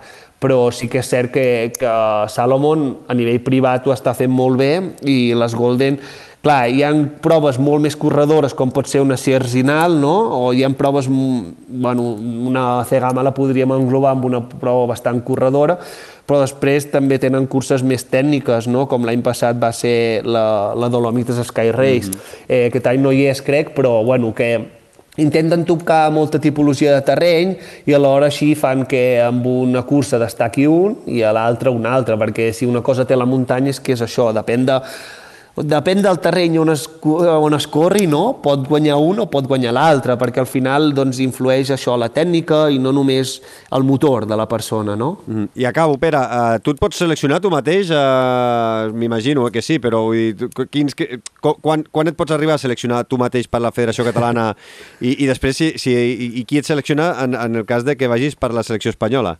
Sí, bueno, aquest és un dilema que jo vaig tenir a l'hora d'agafar el càrrec, no? Al final jo Clar. sóc una persona exigent i m'agrada fer les coses bé, llavors vaig dir, bueno, el, quan passi a ser seleccionador, evidentment hi haurà curses que jo no podré vestir la samarreta, és a dir, jo un campionat d'Espanya de cursa en línia, no? que aquest any, per exemple, és una marató, no em veig vestir la samarreta simplement per, per un compromís amb, amb voler fer la feina ben feta, llavors em dedicaré a estar per, la, per als avituallaments i estar pels corredors, que crec que és el que ha de fer un seleccionador, no? I a partir d'aquí, doncs, bueno, amb el Campionat d'Espanya de curses verticals, per exemple, l'any passat sí que vaig anar a córrer, perquè al final una vertical, doncs, també es donava el cas que, com que jo sóc sènior, masculí, sortia l'últim, llavors ja havien pogut sortir tots els corredors que havien seleccionat i jo sortia últim, i llavors no, no condicionava ningú, no? Però diguem-ne que a les proves on jo pugui aportar no? directament per habituallar o tal, no, no. Mm. encara que jo compleixo criteris, evidentment, que he de complir els criteris, eh, no em selecciono. Vull dir, mm. bueno, intento compaginar les dues coses, sí, sí. Doncs... I em preguntava sobre l'espanyola, sí, també. Sí, o, sí, bueno. el, el seleccionador de, de la selecció espanyola de curses per muntanya, vull dir, té tota la llibertat per poder-te seleccionar, no? Encara que siguis eh, seleccionador sí, català. Sí, en principi sí.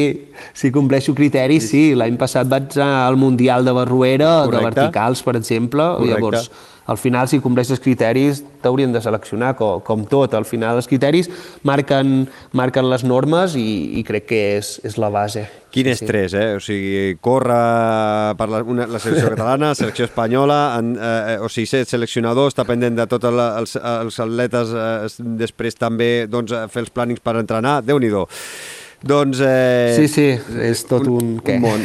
Pere Rullant, moltes, moltíssimes gràcies per eh, aquests eh, més de 50 minuts de, de conversa. No, no, en principi no, no, no tenia pensat que fos tan llarga, però doncs, eh, hi havia temes que, que volia doncs, xerrar i, i bueno, jo com a mínim m'he trobat molt còmode en aquesta conversa i com que és un programa de podcast, doncs tampoc tenim una limitació i, i anem fent.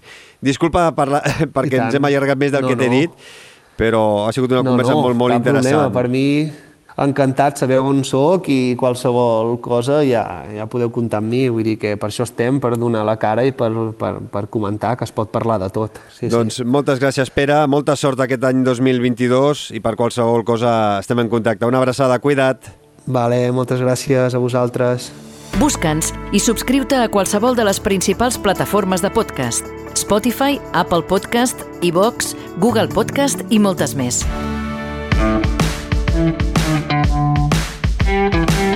I després d'aquesta interessant i llarga conversa amb el seleccionador català Pere Ruian, el que és eh, moment és d'actualitzar-nos i, com sempre, ens hem de desplaçar fins a la redacció d'ultrascatalunya.com on ens espera l'Albert Torrent. Hola, Albert. Hola, Xavi, què tal? Molt bé. Uh, Albert, eh, abans, ara fem repàs. Primer de tot, la pregunta que estem fent als nostres oients, uh, no sé si tu fas uh, sèries, repeticions, uh, quan surts a entrenar o no? Doncs uh, actualment no, perquè ja el ritme que portem doncs ja ja no dona per, per sí. Però sí que a la meva millor època sí que en, sí que en feia, sí. I... Eh, poc, poc, però sí. I quan feies sèries, eh, quina era la que més et costava? Aquella que dies, eh, ostres, eh, d'aquesta no me'n surto. Uf, eh, potser a la setena, a la vuitena ja estava desitjant que acabés, però de les 10 repeticions, potser la, sí, la setena o la vuitena ja, ja era un martiri ja. Doncs eh, a veure què diuen els oients, eh, podeu deixar les vostres respostes al post d'Instagram. Va, eh, actualitzem-nos, comencem repassant eh, que l'Associació Esportiva Matxacuca ha fet el doblet al Campionat de Catalunya per equips.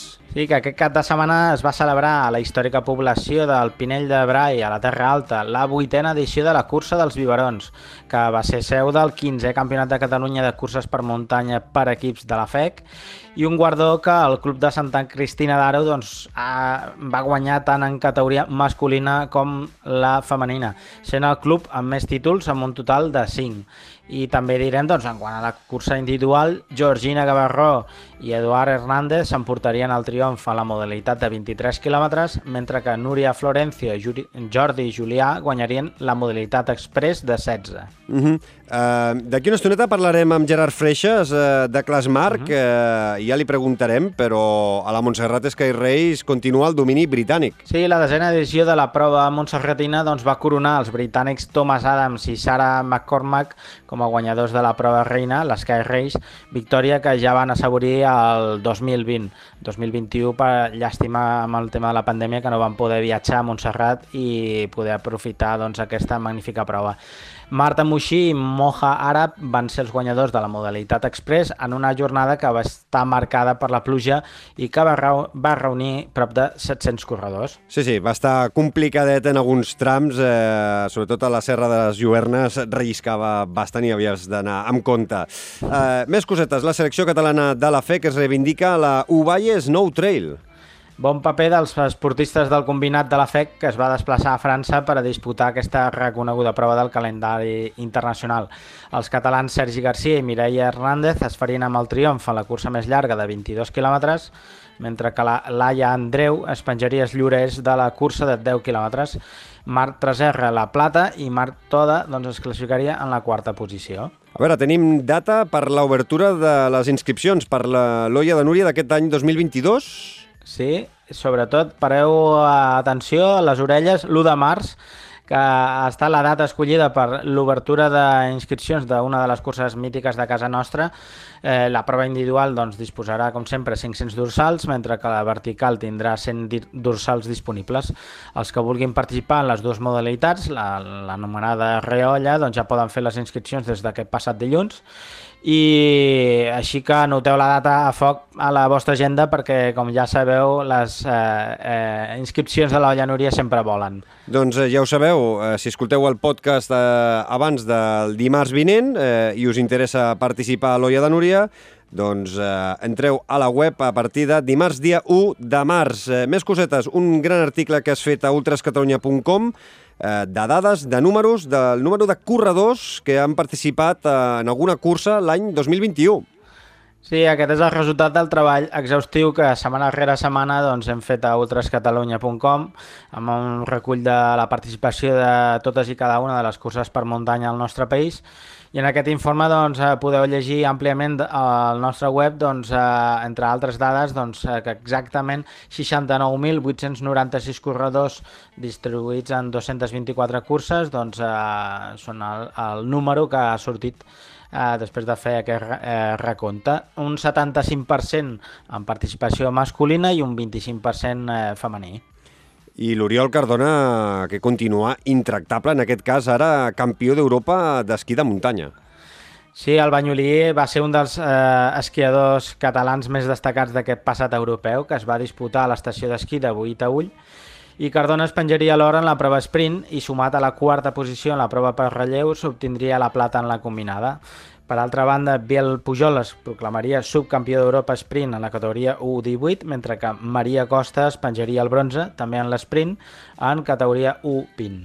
Abans de fer un repàs del calendari de les curses pels propers 15 dies, eh, deixem un moment la muntanya, però sí que parlem d'un corredor de muntanya, l'Andreu Simón, que ha participat a la Marató de Sevilla amb un gran registre.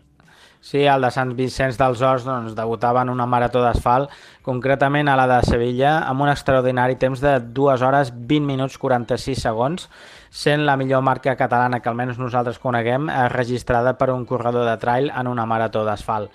I també doncs, anomenarem el Víctor de l'Àguila, també un, un assidu a les proves de, de llarga distància del nostre país, que també va participar. El corredor de Porrera doncs, va fer un temps de 2 hores 34 minuts i 11 segons. Enorme temps, eh? Els eh, que hem participat mm. en, alguna, en alguna marató d'asfalt, baixar de les 3 hores, has d'entrenar molt i fer 2 hores i mitja o per sota, com a, en aquest cas de l'Andreu Simón, té un mèrit espectacular. Vinga, espectacular. acabem aquest repàs de l'actualitat marcant amb, eh, amb vermell el calendari pels eh, properes dues setmanes. Sí, doncs per aquest cap de setmana, 26 i 27 de febrer, doncs aquí al costat de casa nostra, la cursa del Farell a Caldes de Montbui i al Segrià, doncs la volta al Pantà d'Utxessa. I pel primer cap de setmana de març, el dia 5 i 6, doncs tindrem la entre Castells a Vilajuïga, a l'Alt Empordà, la Salta Marrades a Santa Maria d'Oló al Moianès i la Massallada a Campins al Vallès Oriental i la Corriols del Vallès a Castellà al Vallès al Vallès Occidental. Et veurem en alguna d'elles, Albert?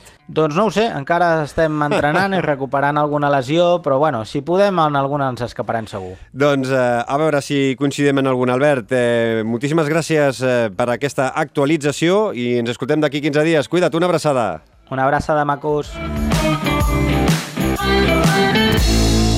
Fem muntanya, l'esport outdoor en català. Feia molts programes que no xerràvem amb la nostra col·laboradora que sempre va sobre dues rodes, l'Ada Xinxó. Ada, benvinguda de nou. Hola Xavi, què tal? Ja tenia ganes de tornar a parlar amb vosaltres. I nosaltres d'escoltar-te. Ara ja fa unes quantes setmanes eh, que vas marxar de vacances amb el Santi, la teva parella a Costa Rica, i com heu fet tantes vegades, heu aprofitat doncs, una miqueta a fer una gran ruta en BTT fent bikepacking, que ja vam parlar-ne aquí al Fem Muntanya. Eh, Ada, eh, com sorgeix la idea d'anar a Costa Rica amb les bicis i no, per exemple, doncs, perdre's en una platja paradisíaca i prou? Uh, doncs uh, la veritat és que nosaltres uh, bueno, vam començar amb el tema del bikepacking arrel del confinament, que ja vam parlar de, del Rural i Atur, uh -huh. i ens va encantar la idea. Sobretot uh, ens, ens ha agradat molt uh, viatjar amb el ritme de viatjar amb la bici, no? Um, per mi hi haurà gent que li agradarà molt estar-se una setmana tombat amb una tombona davant d'una platja, però jo amb, amb uns minutets a la platja en tinc suficient. Prefereixo anar-me movent i anar veient. I la veritat és que el, el ritme de la bici i et permet um, descobrir i, i viatjar a una velocitat que et mous prou com per anar veient moltes coses en pocs dies, però no tan ràpid ni fent, per exemple, tant soroll com amb un cotxe, no? Llavors tu et desplaces um, prou sigilosament i allà a Costa Rica, per exemple, és un avantatge doncs, per, per anar descobrint doncs, molts animals, moltes plantes i, i gaudir molt de, del viatge, no? És, és això, vas fent viatge uh, amb, amb les teves pròpies pedalades, no? I per nosaltres doncs, ens, va, ens ha enganxat i sempre que puguem doncs, ho anirem fent. I, co I com sorgeix? O sigui, per què Costa Rica i no un altre país? La coneixeu prèviament o algú doncs, proper a vosaltres eh, us havia parlat de, de Costa Rica o simplement heu fet com una mica com el Quim Masferrer el foraster que heu llançat un dart al mapa mundi i ha sortit a, a Costa Rica? Um, Costa Rica, doncs, no, no, és que, no és que fos un país que, que el tinguéssim a, a la llista, però va ser una miqueta doncs, dir ara podem fer les vacances del 2021 què fem? On anem? Volem fer bikepacking, ho tenim clar, però som una miqueta comodons també i ens feia mandra carregar molt. Llavors, qualsevol destí a Europa pel gener vol dir fred i vol dir carrega roba d'abric, carrega moltes coses. Vam dir, a buscar un destí calorós i vam dir, ostres, pues, eh, busquem a, a, a l'altra banda, no? A, a, anem a creuar el xarco, no? I que diuen allà també, que ens, ens van dir que, que ho deien molt. I doncs, apa, cap a, vam estar buscant rutes de bikepacking i vam trobar una que ens encaixava a Costa Rica per quilòmetres, una miqueta i perquè era un país doncs, que de seguida que vam començar a veure fotos ens va cridar molt l'atenció. I doncs res, eh, vam quadrar-ho tot i cap a Costa Rica. I, i, i com heu dissenyat la, la ruta aquí a casa abans d'anar cap allà? Doncs va ser un viatge que no teníem molt temps per planificar-lo, vam fer així una miqueta de correcuita i hi ha una, una web que es diu bikepacking.com on hi ha molts viatges de, de bikepacking de gent que ja els ha fet. Llavors um, vam veure aquest i, i de seguida doncs, en, ens va agradar, no? perquè feia, no, feia, doncs, no feia tot Costa Rica, feia la part de, del Pacífic, però feia tant interior, muntanya, zona volcans i bosc húmid, com, com, com part de costa i vam veure doncs, que, que era molt variat i ens va cridar l'atenció i vam dir doncs apa, agafem aquesta ruta que ja tenim els tracks ens encaixava per dies perquè eren uns 800 quilòmetres i, i ens la vam fer nostra. Mm -hmm. I aneu amb les vostres bicis, no? És a dir, és molt... no, no les llogueu allà. Anem amb les nostres bicis perquè com que en aquest, cas, en aquest cas, quan fem bikepacking, normalment vam, anem amb les de gravel i aquest cop també vam tornar a marxar amb la, amb la Tura i amb la Solsonina, que ja les coneixeu d'altres aventures. I tant. I preferim anar amb les nostres perquè, com que fem bastantes hores amb la bici, ens és més còmode. I a part fent el bikepacking, doncs saps que les bosses que tens s'adapten bé en, a, en el quadre, que no tindràs problemes perquè després, ostres, ara no m'hi cap aquesta bossa per posar-la amb la forma d'aquest quadre d'aquesta bici que llogo. Um, no ho sé. Les podríem llogar allà? Sí, podria ser una opció. Però, bueno, doncs, eh, estem acostumats a anar amb les nostres i anem molt còmodes. I és molt costós agafar l'avió i portar dues bicis des de Barcelona fins a Costa Rica? Doncs el preu de, de portar la bici varia segons la companyia aèria. En aquest cas eh, vam viatjar amb KLM i ens va costar 200 euros per, per bicicleta, eren 100 euros per trajecte, i com que vam fer Barcelona, Amsterdam, Amsterdam a Costa Rica, llavors doncs 200 euros per cap. Mm -hmm. I, i o, o sigui, surt més barat anar amb les teves bicis, en principi, que jugar allà durant eh, 15 dies la, la bicicleta. Clar, no ho he mirat, però entenc que sí, perquè per poc que et cobrin, per 14 dies segur que ha de sortir més que 200 euros. Mm -hmm. A més a més, Costa Rica no és que sigui un, un país es, especialment econòmic. Mm -hmm. A més a més, eh, ara en parlarem, eh? Uh, si és econòmic o no, però Uh, també, clar, la putada d'anar amb, la, amb les eh, teves bicis és que vau tenir un problema, no? Vaig veure que a l'Instagram ho publicàveu, que vau tenir un retard eh, de 3 dies. Sí. La, la, la, vosaltres vau arribar a Costa Rica i les bicis van trigar 3 dies. Ah, exacte, en aquest cas sí. I, i, I, la, i, què, i què vau fer la, allà? La meva bici va arribar bé, però la, la del Santi no. Doncs eh, no ens havia passat mai, hem viatjat moltes vegades amb les bicis i per sort sempre ens havien arribat bé. I en aquest cas, bueno, teníem en part sort perquè no anàvem a una cursa, perquè molts cops hem viatjat amb les nostres bicis i anem a una cursa, que una cursa comença normalment doncs, l'endemà del dia que arribem o dos dies després i en aquest cas hauria sigut un problema molt gran perquè no hagués arribat a temps de la bici del Santi, però en aquest altre cas, com que anàvem a fer un viatge eh, doncs, nosaltres dos sols, el que vam fer doncs, eh, va ser creuar els dits perquè realment la bici arribés, perquè primer nosaltres vam arribar un dijous a la tarda, ens van dir no patiu, està controlada, arribarà el divendres, divendres havia d'arribar a les 5 de la tarda, a les dues ens van dir que no havia sortit d'Amsterdam i que eh, segurament arribaria el diumenge a la tarda vespre. Llavors vam dir, ostres, és que estem perdent molts dies. O sigui, va, ens van dir que ens la portarien el diumenge al vespre, cosa que tampoc va ser així, realment ens van confirmar que va arribar, però ens vam passar tota la nit esperant la bici i no ens la van portar fins les 6 del matí del dilluns, però el que vam fer va ser, per un cop que havíem decidit que ens ho prendríem en calma i que faríem etapes eh, curtes per el que estem acostumats, que eren uns 60 quilòmetres diaris, i després prendre les, les tardes més de relax, doncs eh, vam haver d'apretar una miqueta més i sobretot els primers dies vam estar fent doncs, 80-90 quilòmetres. Mm. I a part per de la... poder fer sí. el mateix recorregut que volíem fer i no, i no perdre'ns res. Mm. I, I a part de les bicis, eh, aneu amb molt material, roba, menjar... Eh, aproximadament quants quilos eh, porteu quan sortiu de, de Barcelona, a part de les bicis, eh? Clar, aquesta era una altra cosa, perquè en el primer moment, quan ens va passar això de la bici, que no arribava el divendres, sí que va haver moment que ens vam plantejar doncs, de llogar una bici, però, pel Santi, però és que clar, per l'altra banda, dintre de la, de la maleta de la bici es, hi duia el seu casco, les seves sabates d'anar en bici, duia amb la tenda de campanya allà, llavors clar, és que ens faltaven moltes altres coses com per poder fer el viatge, no?, llogant una bici. I eh, també cada companyia aèria té un, un, un pes màxim per portar, quan tu contractes l'equipatge esportiu, dius que és una bicicleta i et diuen quants quilos pots portar. En aquest cas, el, la maleta de la bici podia pesar 23 quilos. Llavors això és el que, el que et limita. Um, has de tenir en compte que, per exemple, les nostres maletes de bicis ja pesen, ja pesen uns 8 quilos, la maleta sola. I les bicicletes? Llavors, um, has de, pues, compte això. I les bicicletes, doncs no ho sé, no les he pesades, però entre la maleta de la bici que pesa uns 8 quilos, la bicicleta que deu pesar uns 10 o 11 quilos, depèn si la del Santi o la meva, sí més tot l'altre que hi posem a dintre, mmm, vam arribar amb els 23 quilos pelats pelats, o sigui, perquè no ens diguessin res però no ens fessin pagar de més, i, i una maleta d'aquestes de, de pujada a l'avió plena, i amb això vam tirar. Mhm. Mm -hmm. A veure, eh, què comenceu? El mateix dilluns que arriba la bicicleta de, del Santi, comenceu la ruta. On la comenceu? I quants dies, eh, al final, eh, us esperen per davant? Sí, Vale, llavors nosaltres el, di, el dilluns ens arriba la bici a les 6 del de matí, Uh, esmorzem, la muntem, bueno, i muntem la meva també, perquè havia estat la meva tres dies i pico allà, però no l'havíem pogut muntar perquè les eines per apretar i muntar-ho tot eren a la maleta de la bici del Santi i no havíem localitzat a l'hotel eines que ens ho servissin, llavors ens posem les piles, muntem, muntem les dues bicis i a quarts de 10 del matí del dilluns ja estàvem pedalant. Si ens la van portar a les 6 i a quarts de 10 crec que sortíem a pedalar, a quarts de 10 a les 10. I sortíem de, de Libèria.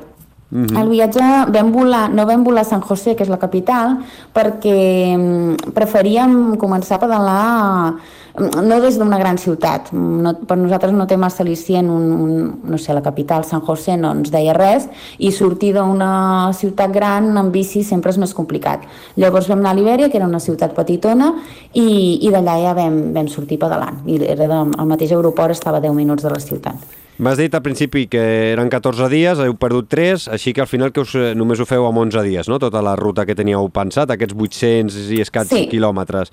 Eh, Ada, no conec gaire, eh? Costa Rica, eh, no sé sí. quin tipus de terreny és. És molt muntanyós, és molt, molt, hi ha molta selva, hi ha moltes planícies, hi ha de tot, hi ha llacs, no sé, eh? Mm.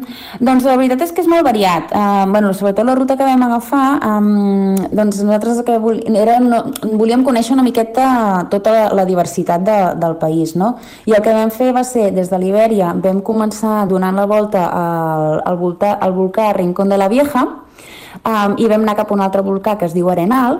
Llavors vam fer aquestes quatre primeres etapes, van ser muntanyoses i dintre de, de bosc humit vale? el bosc tropical, és a dir, que és tot verdíssim, tot és preciós, molta natura, um, molts animals, molt xulo, ens va agradar moltíssim, però també té bastant més desnivell, llavors aquests dies amb ja fèiem els mateixos quilòmetres que faríem a les etapes següents, però amb bastant desnivell.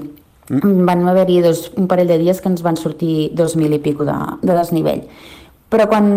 I a més a més allà el que tenen és que el, a lo millor són pistes planeres, però de cop i volta tenen rampes duríssimes, una rampa que puja i una rampa i després l'has de baixar, és bastant puja-baixa amb, amb rampes bastant dependents bastant contundents. Però després, quan vam baixar cap a la zona de la península de Nicoya, vam fer tota la volta al voltant de la costa. I allà hi havia etapes que eren més planeres, però que fos planer no vol dir que de cop i volta també et poguessis trobar un rampot amb, amb rampes bastant uh, pronunciades eh, per pujar un turonet i tornar-lo a baixar per tornar-te a acostar arran de mar. I quins eh, tipus d'animals eh, us heu trobat en aquesta rutada? Doncs la veritat és que ens va sorprendre molt perquè vam veure molts animals que per nosaltres són exòtics i que no havíem vist mai, a no sé que fos en un zoo o, o en alguna, bueno, algun lloc així, no? Um, sobretot, per exemple, al principi ens xocava veure iguanes, Uh, estàvem passejant per Libèria, que vam tenir l'oportunitat doncs, d'estar-hi molt per, mentre esperàvem que arribés la bici, i un dia estàvem allà al costat de la catedral mirant a veure si fèiem una foto a l'església i estaven fent missa i de cop i volta veiem una iguana pel plantada davant de la porta a l'escala prenent el sol davant de, de tota la gent dins de, de l'església, no?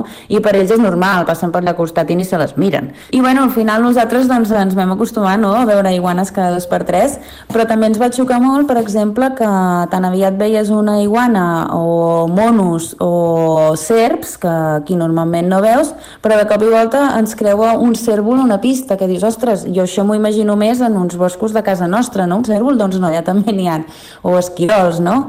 Amb papallones de mil colors diferents, eh, tocants, i llavors animals, doncs, no sé, també com uns que, no, que aquí em sembla que no hi són, que els hi diuen pizones, que, són, bueno, que no els havíem vist mai allà i que vam haver de buscar per internet a veure quin, quin animal era, no?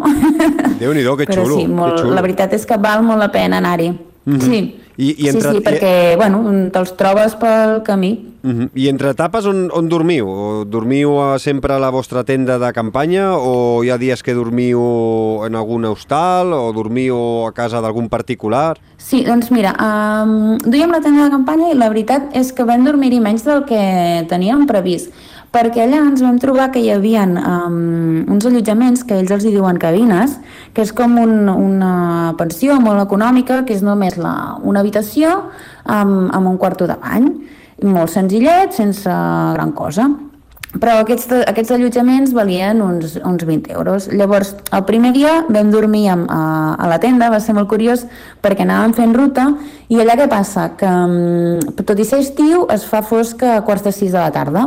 Quarts de 6 de la tarda ja es fa fosc. Pues aquell, el primer dia, com que hem sortit ara a les 10, perquè entre que havia arribat la bici del Sant i tot plegat, ens vam fumar a dinar, vam arribar a un poble i va, dinem. I amb allò se'ns va fer tardíssim, eren les 3, i li vam dir a la senyora aquella, ostres, hi ha algun, alguna cabina per aquí, o algun càmping o, o alguna cosa i ens va dir, sí, pugeu a la muntanya i allà trobareu alguna cabina. Total, que vam pujar a la muntanya i allà no hi havia res. Hi havia algunes cases, això, vam preguntar i li, sí, sí. I li diem, perdoni, alguna cabina per aquí i tal? Ens diu, no, no, aquí no hi ha res. I, di, i, i algun càmping, això? Diu, no, no, estan molt lluny. I diu, però porteu tenda? Diem, sí. Diu, ah, doncs on vulgueu. Acampeu aquí al nostre pati, allà on us vingui de gust. La veritat és que tenien una extensió enorme de terreny. Ens va dir, lligo el gos i, i acampeu on vulgueu. Molt Llavors aquell dia vam, vam dormir al pati de, de casa d'aquesta gent, estupendament, i sí que ens va ploure molt aquell, aquella nit, per exemple, que la tenda no ens va donar cap problema i l'estrenàvem, però clar, aquests dies que estàvem al bosc tropical, doncs vam, al veure que hi havia aquests allotjaments econòmics, vam, vam dormir dos dies més, amb, amb, vam trobar cabines, i allà on, on acabàvem, les buscàvem a l'hora de dinar, miràvem el Google Maps, posaves cabines, te'n sortien unes quantes, i dèiem, doncs vinga, aquest poble ens va bé, que ens ve de camí. I, i dormíem allà. Normalment ens costava uns 20 euros Mhm. I- la nit, i, algun, i normalment no inclou res més que l'allotjament. Molt bé, per fer aquest canvi de- d'etapes i, i, i supo- suposo també aprofitar una miqueta per, per, per eh, netejar-vos, no? Ah, exacte. Així tens dutxa, això sí. Ara, no busquis aigua calenta, cosa que nosaltres no, no tenim problema, no? i menys allà que, que les temperatures són bones, no? Però jo crec que amb tots els dies ens vam dutxar amb aigua calenta l'última nit a, a l'hotel abans de marxar, la resta sempre amb aigua freda. I quina meteorologia us heu trobat tots aquests dies? A part del, dia, del primer dia que, que us va ploure, eh, en general, eh, heu trobat molta pluja, clima molt, molt tropical o, i, o, o molta humitat? Què, què, què heu trobat? Doncs sí, eh, aquí a la part dels volcans doncs, eh, és eh, bosc tropical, bosc humit, que es li diuen, i evidentment, com que és bosc humit, doncs plou. És igual que sigui estiu, ens va ploure els quatre primers dies alguna estona o altra. Sí que hi va haver un dia en, el, en la zona del Rincón de la Vieja, del volcà, que ens va ploure durant 40 quilòmetres, i la, el, que més ràbia ens va fer d'això és que hi havia boira, i llavors, clar, no podíem veure el paisatge, no? I és el que més ens fumia, perquè el tema de la pluja tampoc va ser molt, molt preocupant, perquè feia 22, entre 22 i 24 graus, portàvem l'impermeable i podíem anar fent bé, no hi havia fang, o sigui que eh, el que més eh, ens feia d'això era el, el tema de la boira perquè no podíem veure el volcà i, i que havíem de gastar més energia perquè hi havia, aquesta zona era molt de pista, no, hi havia, no estava gens asfaltant i hi havia bastanta roca, llavors, clar, la bici carregada i les pedres molles, doncs havies de lluitar bastant més les pujades, no? Mm. Però a part d'això, bé. I sí, tots aquests dies de muntanya ens va ploure una miqueta més, però la que vam creuar el Puente de l'Amistat amb Taiwan, que és un pont que hi ha allà que el van fer els taiwanesos i per això li diuen així, i vam entrar a la península de Nicòsia, eh, de Nicòsia, de Nicoya, eh, molta calor. A partir d'allà, molta calor i zero aigua. Si no, bé, calor entre a les 8 del matí hi ha 30 graus Uf. i alguns dies fins a 42 ens va arribar a marcar el termòmetre, però era una calor que, que es portava bé, perquè tot i que ells diuen que és humit, per mi fa molta més calor i més xafogó, vull dir, molta més xafogó a Sabadell, quan a l'estiu, que sues de mala manera, Sí, sí. allà hi bufava una mena d'airet fresquet que ho feia bastant portable. Mm. Ara, si t'enganxaves un moment allà al migdia, que no bufava l'aire i estaves a ple sol, sí, et fregies, però no va ser, va ser en moments molt puntuals. I a part de, de pedalada, heu fet alguna altra activitat turística o només heu pedalat i gaudit de, de les vistes i, i dels llocs per on heu passat? Doncs, uh, bueno, uh, a part de pedalant, ens hem banyat moltíssim, perquè com que travessàvem moltes platges, és curiós perquè tu aquí arribes a, a qualsevol platja i si vols pedalar per la platja és impossible perquè amb la sorra um, et quedes clavat i no pots avançar. Allà, com que hi ha marees, Uh, llavors, quan, quan baixa l'aigua, la sorra es posa més compacta i vam fer molts quilòmetres per la platja. Llavors, quan volíem, paràvem i ens banyàvem, tornàvem a la bici, descansàvem, o sigui, estava molt bé perquè, perquè podíem banyar-nos en qualsevol moment, fins i tot hi havia estones que ens vam trobar una platja enorme de 2-3 quilòmetres i no hi havia ningú, per nosaltres sols. Espectacular. I a part d'això, doncs, eh, hi va haver un dia que sí que havíem... Una noia que vaig contactar que havia vist que havia anat a Costa Rica ens va dir que havia fet una activitat que era mm, a veure les aigües bioluminescents. I vam quadrar-ho per, per anar-ho a veure un dia. Tot i que la gent que ho organitzava ens van dir ostres, és molt mala setmana aquesta perquè hi ha lluna plena i quan hi ha lluna plena és molt difícil veure les aigües bioluminescents. Diu, però bueno, diu, si no, doncs, eh, també és una experiència perquè això es fa amb caiac i, i dius, doncs veureu la posta de sol, ho fas amb, amb, a, a la nit, no?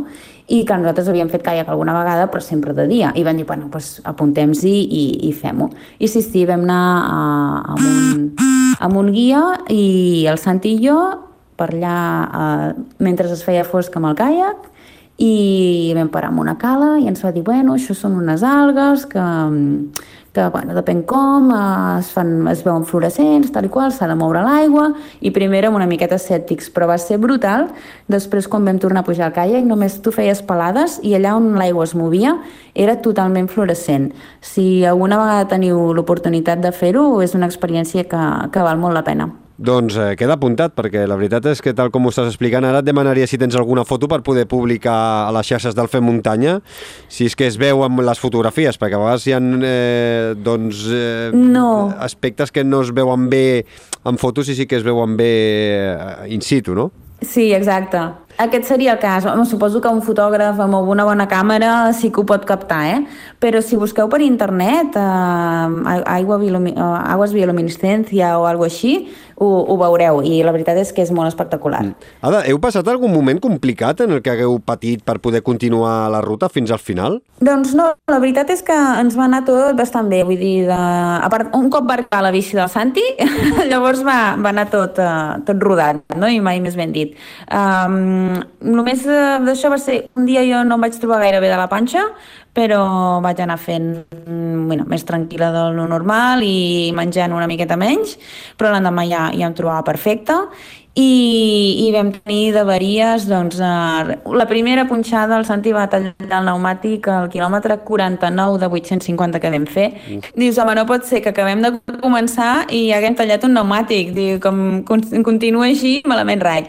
Però no, no, no, cap problema. Vam, vam reparar i després vaig punxar jo eh, amb el penúltim dia. I mm. també ho vam poder reparar. Ja, fins i tot vam estar pedalant amb un, amb un senyor que vam conèixer de Canadà, que està fent una ruta molt similar a la nostra i també el vam haver d'ajudar a reparar una punxada, eh? però eh, bàsicament això va ser, va ser el més greu eh, i no, cap, eh, cap mena d'incidència important. Eh, Ada, has dit que volar amb les bicis, el, el cost extra de, de, per cada bici han sigut 200 euros, eh, a part de, de, del cost de les bicicletes, eh, quan eh, us ha costat el fet de, de volar de Barcelona a Costa Rica i els, 15, els 14 dies o els 15 15 dies que, que heu estat allà? Val, a veure, els vols no ens van sortir molt barats, però també, clar, no ho vam agafar molta antelació, llavors suposo que si tu mires amb temps pots aconseguir coses més econòmiques. Ens van costar, em sembla, 2.200 euros als dos, més els 400 de les bicis.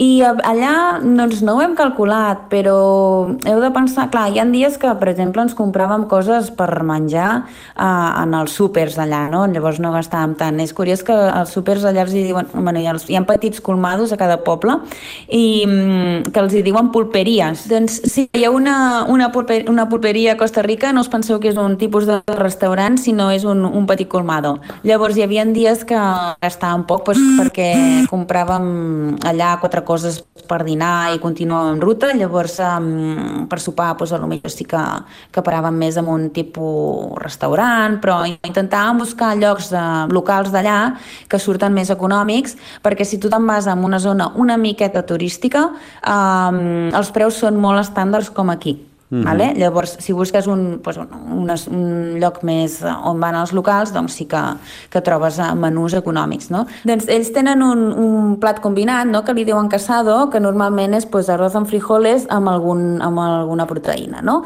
Llavors, um, clar, al final, quan portes uns quants dies menjant amb arroz amb frijoles, dius, bueno, pues vull alguna altra cosa, no? I va ser curiós que en un, sí, en un, en un lloc que vam entrar, en un poblet molt petit, que només hi havia un lloc per menjar, i demanant doncs, a veure què tenien i comentant el tema de, del menjar amb la senyora d'allà ens diu no, si nosotros comemos muy variado, dice, por la mañana um, gallo pinto, al mediodía arroz con frijoles con alguna cosa y por la noche arroz con frijoles con algo más. Y dic, ja dic, però gallo pinto és arroz con frijoles, no? I diu, sí, i muy variado. Dic, pues si m'estàs dient que menges per esmorzar, per dinar i per sopar arroz con frijoles, no? Amb alguna cosa extra. I bueno, és graciós. Però per ells es veu que és variat. Però no, no, no, es, es, es, la veritat és que es menja molt bé i el que ens va agradar molt va ser um, el tema dels, dels sucs -hmm. Sucs de fruites naturals per tot arreu, molt bé de preu, i refresquen un munt que quan fa aquella calor s'agraeix.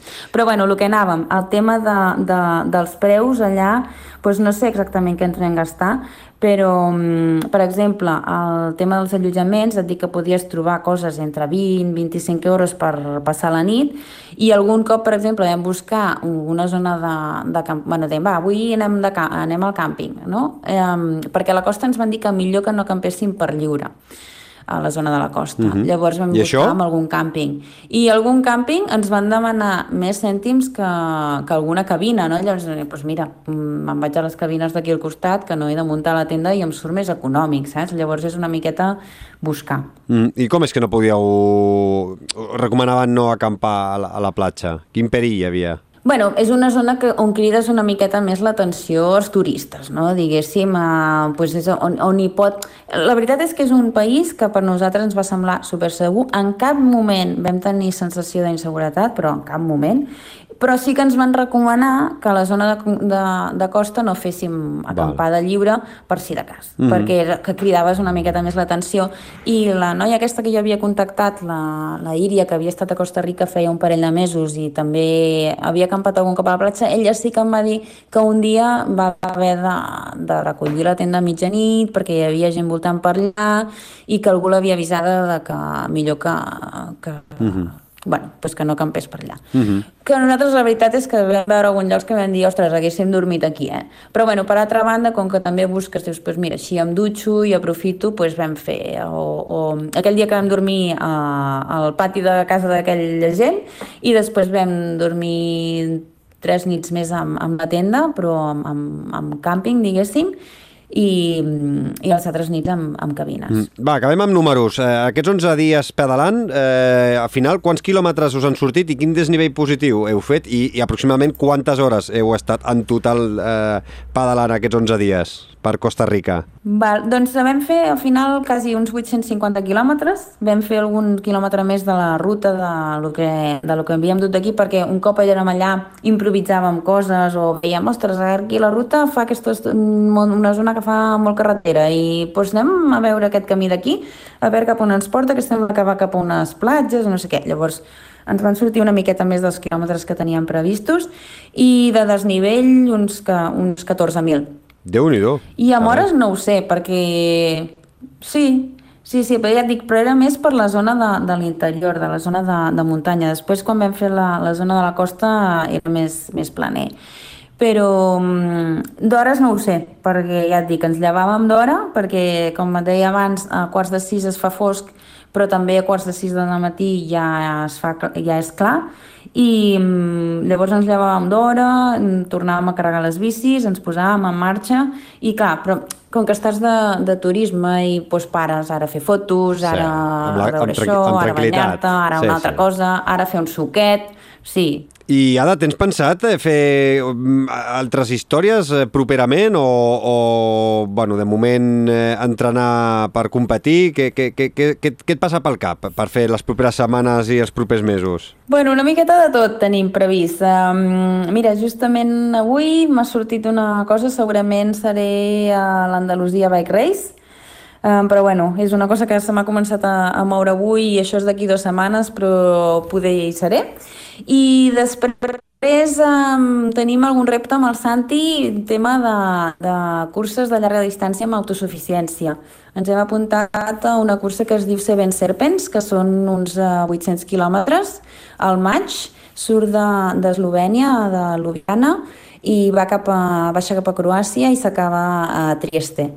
Llavors, això és un tipus de cursa que eh, saps quan surts i la gent i tu et pots organitzar com vulguis. O sigui, tu pots decidir si vols tardar 3 dies i no dormir i fer-los del tirón, o si vols parar a dormir 4 hores, o si vols parar-te a dormir en un hotel i dormir 8 hores i continuar després l'endemà. Tens normalment un màxim de dies i tu t'espaviles, tu et portes el teu menjar o pares a menjant on vulguis i, bueno, bàsicament aquesta és la idea. I doncs, provar de fer això, a veure què tal. Ho anirem seguint. Tenim seguint sobretot a Instagram i al teu Strava, que deixarem els enllaços a les notes d'aquest eh, capítol. Ada, com sempre, moltes, moltíssimes gràcies per explicar-nos i fer-nos gaudir amb les teves aventures. Eh, anirem xerrant, eh, perquè com que no pares, eh, de tant en tant anem parlant, t'anem trucant i ens vas explicant i ens fas les dents eh, llargues, que hi ha molts eh, oients que els agrada molt la BTT, els agrada molt escoltar aquestes aventures i aquestes històries. Cuida't molt, una abraçada també pel Santi i una molt gran per tu. Igualment, moltíssimes gràcies. Una abraçada. Busca'ns i segueix-nos a Twitter, Instagram i a Telegram.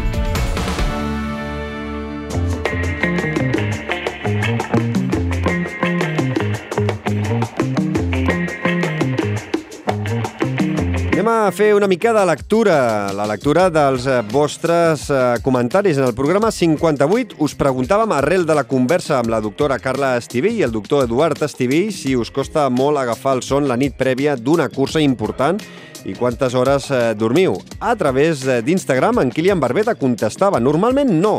Faig servir un truc que em va explicar el meu entrenador fa anys i que consisteix en deixar el material, la bossa i l'estratègia de cursa preparats amb dos dies d'antelació. Així, si hi ha alguna cosa que et ronda pel cap, encara tens dos dies de marge per solventar-ho. D'aquesta manera, la nit abans, ja no tens res en què pensar. I a la segona pregunta, acostuma a dormir entre 8 i 9 hores i procura fer horari europeu. Així, doncs, se'n va a dormir com a molt tard a les 10 de la nit. En Quico Masai escrivia «Sí que em costa agafar el son la nit abans d'una gran cursa, tot i que amb els anys ho he millorat una mica. Preparo la motxilla dos dies abans amb tot el material i procuro doncs, haver fet els deures d'entrenament previs per anar-hi amb confiança i diu que dorm unes 4 o 5 hores la nit prèvia d'una gran eh, cursa. També el Quico doncs, segueix una miqueta l'estratègia d'en eh, Kilian Barbeta, de deixar-ho tot preparat un parell de dies abans. En Sergio, en Sergio Barea deia, jo de normal eh, soc dormir al voltant de 7-8 hores. En canvi, la nit abans d'una cursa em costa dormir i soc prendre una càpsula de melatonina per agafar la son i així descansar 5 o 6 hores que, i aconseguir-ho, intentar doncs, com a mínim, eh, dormir i fer-ho bé. La Sandra Arteaga contestava «Jo, amb els nervis, no puc dormir mai. Descanso, però em llevo amb la sensació que he estat desperta tota la nit». Em sembla, Sandra, que ens passa a molts de nosaltres. Eh? Espero que els trucs dels doctors Estivis, eh, pare i filla, doncs, eh, funcionin i que també eh, l'ajuda dels nostres oients, dels fem muntanyeros, doncs, també siguin útils.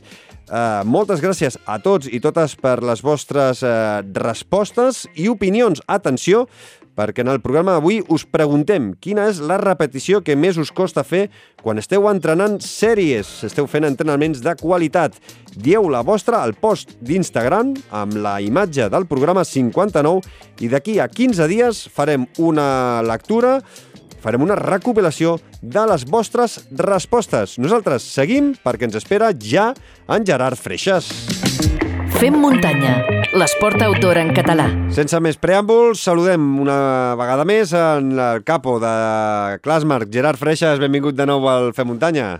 Bé, Xavi, què tal? Gràcies per convidar-me un cop més. Tu, això de capo sona molt xungo, eh? Bueno, però així en plan carinyó. O sigui, hi ha molta gent eh, que et diu capo, o sigui, sí, ja, ja ho saps. Uh, ja, gairebé, ets, gairebé ets col·laborador del, del programa, eh? Déu-n'hi-do, és el segon cop aquesta segona temporada i l'any passat ja vas venir unes quantes vegades més i, i, i la veritat és que són converses que m'agrada molt tenir, tenir amb tu, Gerard, perquè parles clar i m'agrada molt. No, jo també, jo estic encantat. La veritat és que la teva iniciativa és trobo que és molt bona pel trail i, i, i, i per informar els corredors en general és, està superbé i sempre que pugui pots comptar amb mi, només faltaria i tant. Doncs mira, eh, parlem. Eh, ara fa poques setmanes eh, vau començar aquest reset, eh, el vaig poder gaudir el passat 13 de febrer a la Montserrat Sky Race, va ser la, prim la meva primera prova que vaig poder doncs, eh, veure i gaudir d'aquest reset que ha fet Clasmark. Eh, vau començar a finals de gener al Rocacorba i la veritat és que ara que tinc davant i amb més tranquil·litat, doncs eh, ja t'ho vaig fer palès a, a Monistrol de Montserrat, però t'he de felicitar perquè la veritat és que el reset és eh, un èxit. Eh, no vaig notar gaire per no dir gens, eh, doncs que faltessin cap servei pel, pels corredors i al contrari, eh, eh, vaig trobar-ho tot i a més a més vaig notar que hi havia menys residus eh, a les papereres eh, aniré posant cosetes que vaig veure i que em van agradar i bueno, tu mateix mm. doncs, vas, vas responent eh? Uh, primer tot, Quin és el feedback que has rebut de, dels corredors? Hi ha algú que s'hagi queixat de que, escolta, això no m'agrada, abans donava una bossa de corredor xula i ara doncs doneu només una, un, per exemple, eh, una, una samarreta de cotó ecològic. Hi ha algú que s'hagi queixat o no? No, la veritat és que no, eh? No, no. Crec que, per sort, el nostre, la nostra comunitat en general està cada vegada més conscienciada i, i tenim la sort de que cada cop tenim un gruix de participants que venen a les nostres curses no, més, no només per, pels recorreguts i per gaudir d'un dia trail, sinó per, per, per fer una cursa de manera responsable, de la mateixa manera que hi ha un augment del turisme, eh, de l'ecoturisme, doncs també hi ha un augment de gent que cada vegada busca totes les activitats que fa, que siguin activitats respectuoses i, i això doncs, també notem que hi ha un increment, evidentment. Mm -hmm. Doncs mira, uh, comencem. Vaig arribar a Monistrol de Montserrat uh, amb temps, una horeta abans de, de la sortida, i el primer que, que em va agradar és que, bueno, a part de no vaig fer gaire cua per agafar el dorsal i tenir la samarreta aquesta que dèiem de cotó ecològic, uh, és que tenia a la teva disposició amb el número de dorsal uh, dos gots i un bol de closca d'arròs, dieu en el, en el documental. Eh, aquests gots, eh, bueno, jo me'ls vaig emportar, em sembla que ens els podíem emportar, no? Sí, bueno, donem les dues opcions, o els, us els podeu emportar o els recuperem i els netegem i els reutilitzem, sí, sí. Igual que la samarreta. Sí que és veritat que el, aquesta mesura de la samarreta de no donar bossa de corredor i, i no donar monodosis ja fa dos anys que la fem. Uh -huh. va, al principi sí que hi havia gent que era més reticent, especialment amb, amb la comparativa entre el cotó orgànic i el nylon.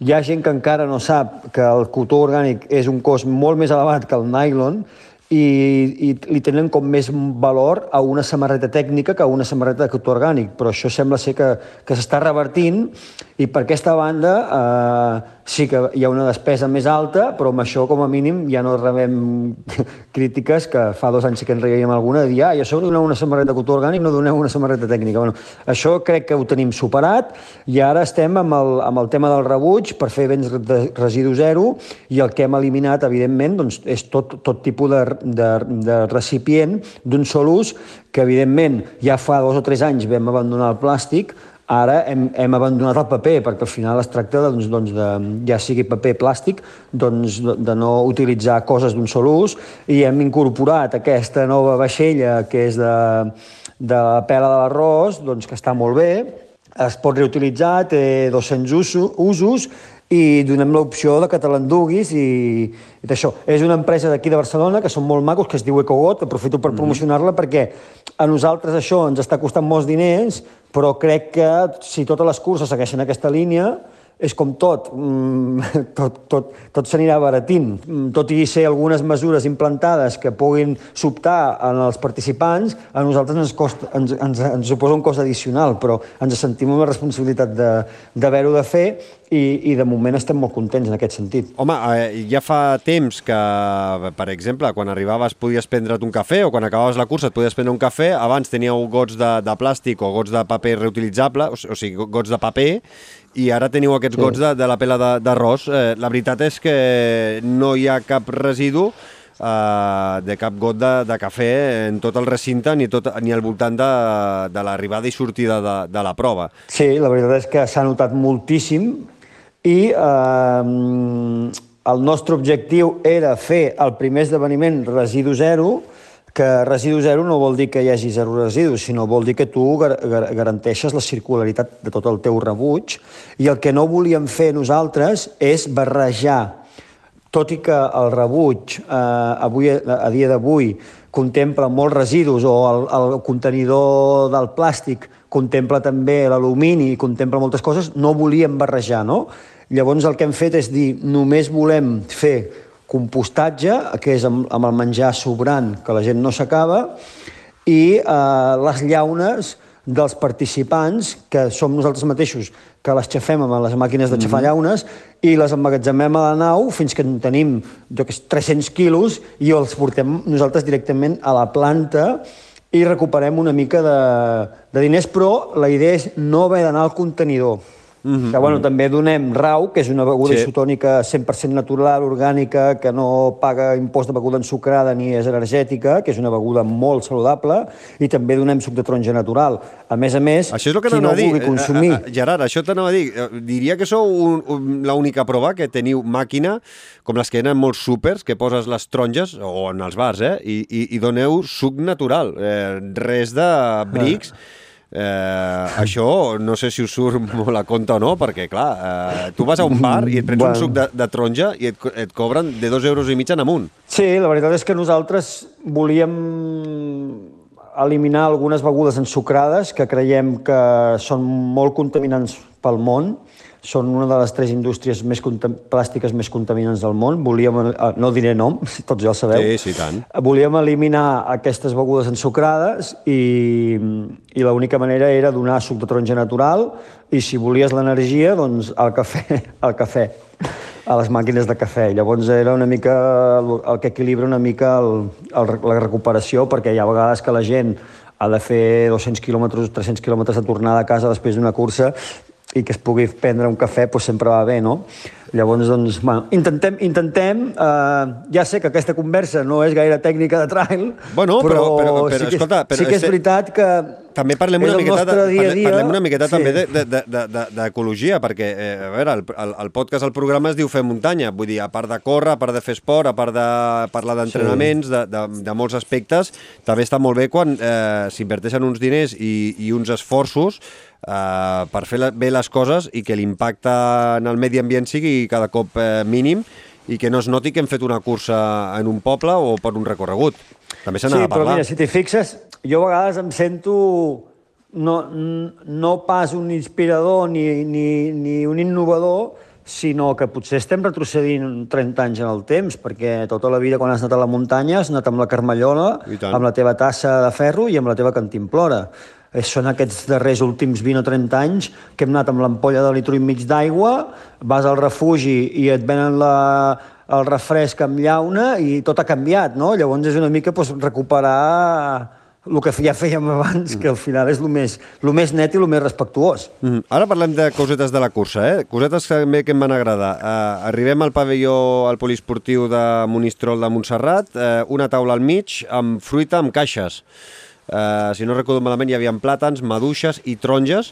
Ja dic, i cadascú podia agafar la, la fruita que volgués per menjar, i ja dic, tot en caixes, i, i les peces de fruita senceres perquè la gent agafés les que volgués, per menjar abans o, o, o després de, de la prova. Creiem que és el més sa, el més saludable i també perquè al final tradicionalment potser venim d'uns esdeveniments esportius on el que, el que es premiava era la botifarra i el gran menjar, no?, després i abans, i amb l'evolució ens n'hem donat compte doncs, que la gent es cuida, que la gent té ganes de menjar sa i nosaltres ens, ens sentim amb l'obligació d'oferir menjar sa i de temporada, perquè ara quan comencen les maduixes comprem 200 quilos de maduixa per cada esdeveniment, quan hi ha pera, pera, i quan hi ha la poma, o quan hi ha el meló, el meló i la síndria, vull dir, mm, jo crec que és algo que, que s'ha de fer i és pura lògica. Mm -hmm. I després també, això sí, eh, tenim eh, l'entrepà després de la cursa embolicat amb, amb paper reciclable. Sí, la veritat és que abans mm, posàvem els entrepans en una bossa de paper i ara vam decidir doncs, bueno, doncs, posar-ho en un tovallolet, en un tovalló de paper reciclat, amb un cordonet i, bueno, doncs, Sí, sí, molt xulo. anar, anar millorant, anar millorant. La veritat, és que, la veritat és que sí, sí. Eh, cosetes de... que em vaig trobar de... durant la, la prova. La Montserrat Sky Race, jo vaig fer la de 25 quilòmetres. Eh, L'aigua estava tota amb grans bidons. Eh, en el documental Sí. que es pot veure al canal de YouTube de Clasmark, dieu que és aigua osmotitzada, que també heu hagut de comprar màquines grans per, perquè, clar, quants litros heu d'osmotitzar, heu de filtrar abans d'una cursa? És que, clar, això eh, podríem gravar un programa que durés dues hores, val? Aquí el problema principal, més gran que hi ha, és que a dia d'avui no venen aigua mineral sense embotellar. No hi ha cap manantial que tu truquis, ja pot ser qualsevol de Catalunya, i diguis jo vinc amb els meus bidons i omplo. No t'ho fan. Jo crec que el seu marge és evidentment que és amb el transport, amb l'embotellament, amb el plàstic i amb tot. Llavors nosaltres hem posat eh, una màquina d'osmotitzar aigua, val? però eh, sí que és veritat que el que necessita el corredor de l'aigua és el, el nivell de minerals, no? que un dels minerals és el potassi, per exemple, no? que el potassi és un d'aquests que tanta falta fa. No? Uh -huh. I ens hem trobat fent analítiques d'aigua, no és que els hem fet nosaltres les analítiques, sinó que estan publicades a aigües de Girona, a aigües de Barcelona, et, et, ells et diuen quin percentatge de calç i de minerals i de potassi hi ha a la seva aigua. I ens hem trobat que hi han aigües de l'aixeta val? que tenen nivells de mineral i de, i de magnesi i potassi més alts que eh, aigües embotellades. No? Llavors, sí, nosaltres l'osmotitzem per poder dir no és aigua de l'aixeta, val? però és aigua que està amb uns nivells molt bons pel consum i per, la, i per, pel que necessita el corredor, potser no tant amb una cursa de 25 quilòmetres, però sí que amb una cursa més llarga. Mm. No? També és veritat que l'aigua de Girona no és com la de Lleida i l'aigua de Lleida no és com la de Barcelona, però sí que és veritat que, per exemple, a Girona hi han, hi han sis o set dipòsits i cada dipòsit recull l'aigua d'un punt concret i el, el nivell d'aigua canvia, depenent d'on hi ha la captació. No? És a dir, a Barcelona us ve una aigua de la captació d'aquí, de, del de, Ter i del Llobregat. De, del Pastaral, del Pastaral d'aquí del Ter, de Susqueda, i aquesta aigua és una aigua molt bona, però us ve aigua també d'un altre punt que no és tan bona. Llavors, el problema és el gust. El mm. tema és que el participant sàpiga que um, trencar amb l'estereotip aquest de que l'aigua eh, que si no és embotellada no té minerals, perquè hi ha aigua que és aigua corrent molt mineralitzada, no? Però sí que és veritat que el que no podem fer és anar a una font a la muntanya i agafar aigua d'aquella font, perquè aquella font no té unes garanties, no? Això sí que no ho fem en cap cas, mm sinó que sí que sempre agafem aigua amb garanties i, a més a més, osmotitzada per si de cas. Eh, eh, evidentment, els avituallaments no hi ha gots, és a dir, obligueu a, al, al corredor, si vol beure aigua, o que porti bidonets o que porti un sí, got d'aquests de sí. silicona. Uh, sí. Després també cosetes uh, durant la cursa, les cintes uh, són aquestes que també veie, veiem al documental, que les vaig poder veure i tocar, perquè vaig parar un moment i les vaig poder tocar, que són com una mena de tela, no? Són reutilitzables i les podeu sí. utilitzar en diferents eh, curses. Bueno, gairebé eh, sí. poden tenir una vida molt, molt, molt llarga. Sí, la veritat és que el marcatge ha sigut un canvi que hem rebut un feedback molt i molt positiu perquè la gent ens diu, hòstia, és que com canvia córrer amb un, dins un corriol, anar-te trobant plàstics o anar-te trobant tela, no? La tela és com molt més harmònica. Al final, quan tu veus una, una cursa hipermarcada a la muntanya, fa mal d'ulls. I tu, sí. quan vas corrent, ets conscient de que han d'haver-hi aquelles marques, aquelles balises, però et fa mal d'ulls. La tela hem aconseguit doncs, que el corredor se senti més amb harmonia amb la natura i no, i no se senti que està fent una activitat tan agressiva, no?, en aquest sentit. I amb això estem molt contents perquè hem rebut molt bon feedback. Quin és l'inconvenient? Bueno, doncs el cos, que per exemple Montserrat va córrer i es van mullar totes i a l'hora de desmarcar doncs desmarques amb un munt de quilos, les has d'aixugar i, i bueno, però també s'ha de fer, s'ha mm. de fer, sí, sí. Clar, però què, què surt, ara t'ho pregunto des de la ignorància, què surt més a compte? Anar comprant metres i metres i metres de plàstic eh, per totes les curses que teniu, perquè no només feu trail, sinó també feu BTT, eh, cada vegada, o, o, o, o comprar aquestes de tela i anar-les reutilitzant? O sigui, tot el que és plàstic i d'un sol ús eh, sempre serà més a compte que una cosa que puguis reutilitzar i a més que sigui de tela i a més que es sigui fabricada aquí, perquè aquestes, aquestes mm, està fabricat aquí, no? Però has de, has de, has de fer, has d'agafar el compromís i, i fer el canvi i anar-te adaptant i, i anar-ho millorant, però a, a compte, tot i que les d'abans de plàstic ja era un plàstic reciclat, la majoria de cintes són de plàstic reciclat, hi ha molts plàstics que per defectes a la vida quotidiana utilitzem que ja són plàstics reciclats, com els plàstics de les bosses d'escombraries, hi ha molts plàstics que ja són de plàstic reciclat, però eh, Uh, a les, bueno, doncs ara, ara m'he perdut una mica, però sí. això, que, la, que el plàstic ja la reutilitzàvem abans, però el plàstic sempre serà més econòmic. Mm -hmm. Això és evident, saps? I... I el que passa que abans bueno, se'ns desfeien les cintes, acabaven més gastades, les havíem d'acabar llançant, i ara no, no és el cas. Tu aquesta tela la pots reutilitzar per fer altres peces de roba, eh, en tornes a fer tela i, i, la, i li pots donar un, una segona vida. I, la, i, les de, I les podeu cedir a altres organitzadors que doncs, vulguin eh, aprofitar les vostres marques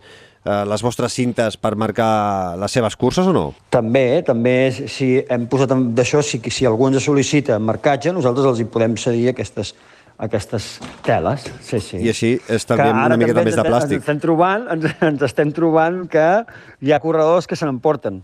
Ostres. saps? Perquè les hem fet amb el No Nature Ni Future i a Montserrat vam, vam trobar quatre que les portaven penjades. Saps? Bueno, I clar, és- això, bueno, suposo que tot, tot, tot té un procés. Però, en general, estem molt contents perquè hem, hem reduït el residu quasi un 80%, que la gent no sap que a Catalunya només es recicla un 20% de tot el que va a les plantes, és a dir, tu per molt que reci- reciclis a casa teu, de tot el rebuig que generen els catalans a dia d'avui, només es recicla un 20%, un 20%. Tot l'altre es crema o es posa sota terra. saps? Déu-n'hi-do. No, no, això és, és brutal. És, aquesta dada és brutal. és, és, és una dada impactant, però és la realitat. Només reciclem un 20%. Sí que és veritat que es crema el residu per fer energia, però tot i això, quan tu el cremes, estàs generant gasos d'efecte hivernacle. Així que, bueno, crec mm. que el més important és reduir més que substituir materials o, o coses així, reduir. Mm -hmm. saps? I una altra de les coses que Bueno. em va agradar molt i que vau començar a Rocacorba és l'aplicació per fer aquest seguiment online a diferents punts de, del recorregut i poder... Bueno, el típic és el Life Trail, semblant al que podia seguir a l'UTMB o a l'Ultra Pirineu, doncs ara també les vostres curses eh, des de casa, els familiars, els amics, eh, poden fer un seguiment dels corredors que vulguin per, i, a més a més, rebre una notificació cada vegada que els corredors eh, favorits doncs, van passar pels punts.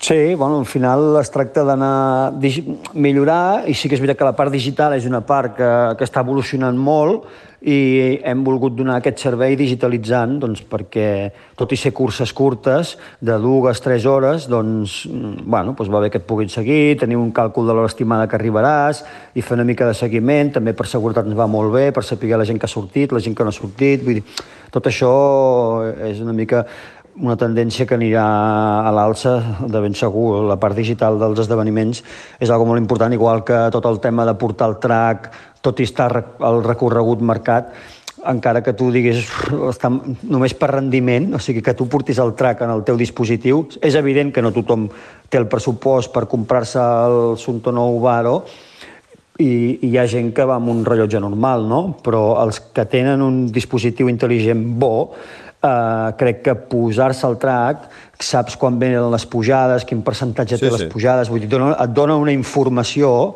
molt vàlida que, a més a més, és un punt de seguretat perquè quan, si mai passa alguna cosa, pots canviar la pantalla i veure si estàs a dins del track o no, no?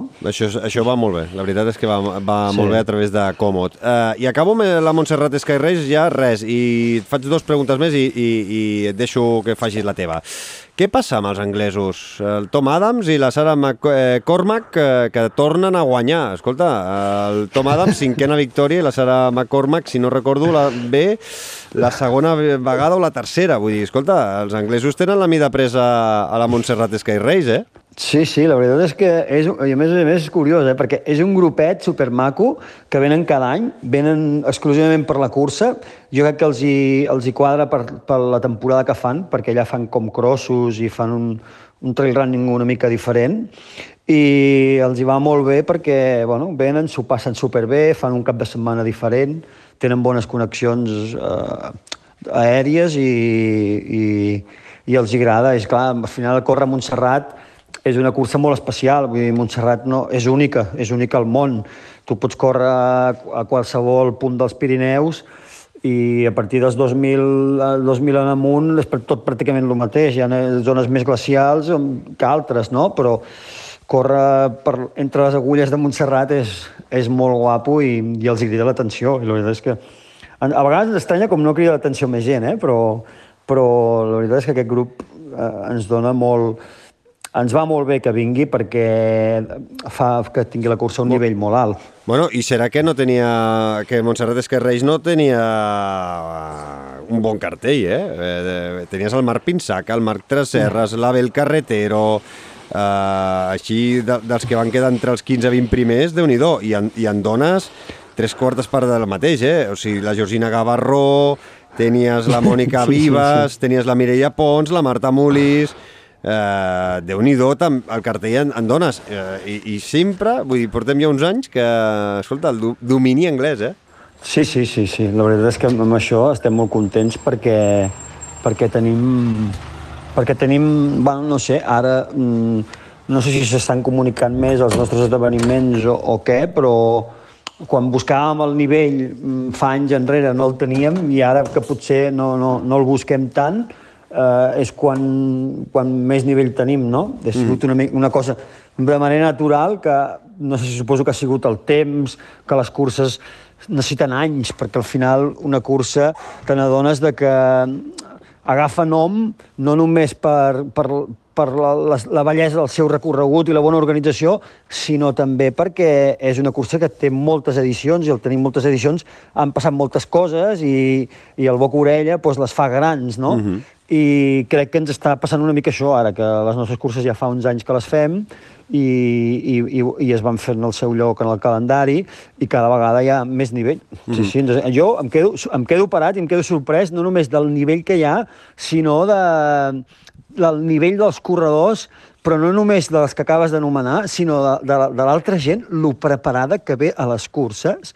O sigui, el trail ha canviat tant en pocs anys Uh, la gent es cuida... Corre molt, la gent corre molt. Va, la, gent, la, gent, la gent corre molt. Però... Quan t'hi fots a dins, la gent veus que dius... A veure, jo dediques unes hores a, a la setmana a entrenar i, i dius, però, però si només acabem de sortir de Monistrol i hi ha gent que ja et porta un quilòmetre, però si jo em porto dos i ells ja em porten tres i, i, i no, no, no, no, fa res que, que hem sortit. És, és... Home, corren molt. Jo em quedo, em quedo parat, però que clar, abans el trail com l'enteníem nosaltres? Ens ajuntàvem, anàvem al poble, fèiem una cursa, ens ho passàvem de conya, i ara qualsevol d'aquests nois que, o noies que venen a les nostres curses és que són, són hiperpreparats, sí, sí, que s'entrenen diàriament, boni, fisios, eh, entrenadors, eh, nutricionistes, eh, gimnàs, vull dir, és sí, sí. espectacular, que, que, que al final va molt bé, eh, perquè són disciplines que et serviran en un futur segur, t'hi acabis sí, sí. dedicant o no, saps? I. Vull dir que jo sempre ho celebro. Bueno, tenim curses a la mm. vista, eh, ara parlarem ràpid de la Costa Brava, però ràpid, eh, novetat, Trail Cap de Creus, eh, estreneu el 14 de maig la Ultra Nord, 76 quilòmetres, 3.600 de metres de positius, de Portbou a Roses.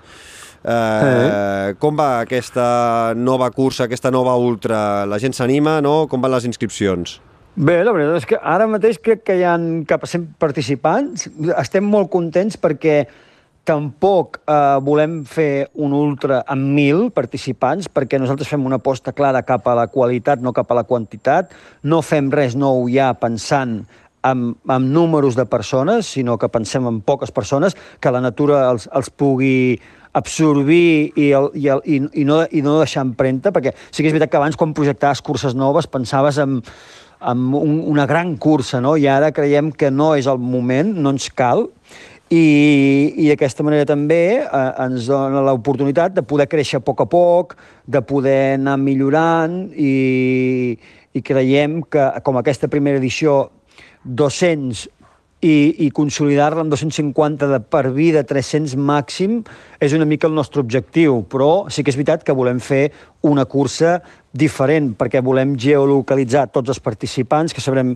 amb un aparell on estan a cada moment, vull dir, volem donar uns serveis de càtering més personalitzats que el que hi ha a dia d'avui a les curses, vull dir, volem fer algo que ajudi més a, a, a poder assolir el repte a una persona que, que fa un ultra, que sí que és veritat que abans en feien 5 o 6 en una temporada, ara potser en fan dues, doncs potser és el moment de dir, bueno, ja que en fas dues, doncs donar uns serveis que, no, que no, ara mateix no hi són, perquè si tens 6.000 persones és inviable que els tinguis, no? Mm -hmm. Llavors, bueno, volem canviar... Voler, la, la idea és una mica aquesta, no?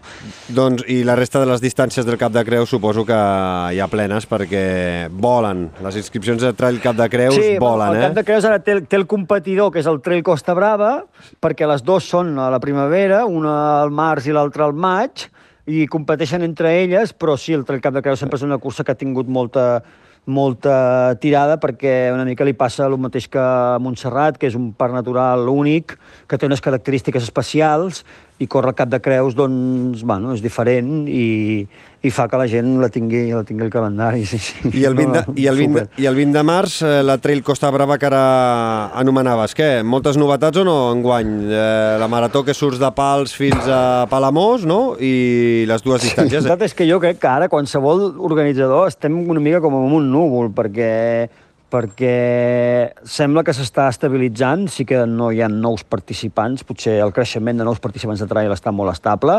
però vinguent dels dos darrers anys que venim, tot el que ve és com tot superpositiu, no hi ha tantes mesures, saps que les polítiques de cancel·lació no les hauràs de tornar a, a, utilitzar. És que venim de dos anys molt durs Sí. i poder, poder projectar una cursa un altre cop amb les tres distàncies, Marató, Trail Express, perquè l'any passat al Trail Costa Brava no vam fer Marató, perquè, doncs perquè no... Per, tem, per temes de pandèmia vam haver d'enredar la cursa i el mes de maig, juny, no pots posar, no pots passar per Llafranc, l'illa Parafrugell i passatges marítims que pel nostre punt de vista ja estan prou massificats com perquè sobre passar-hi corrent, no?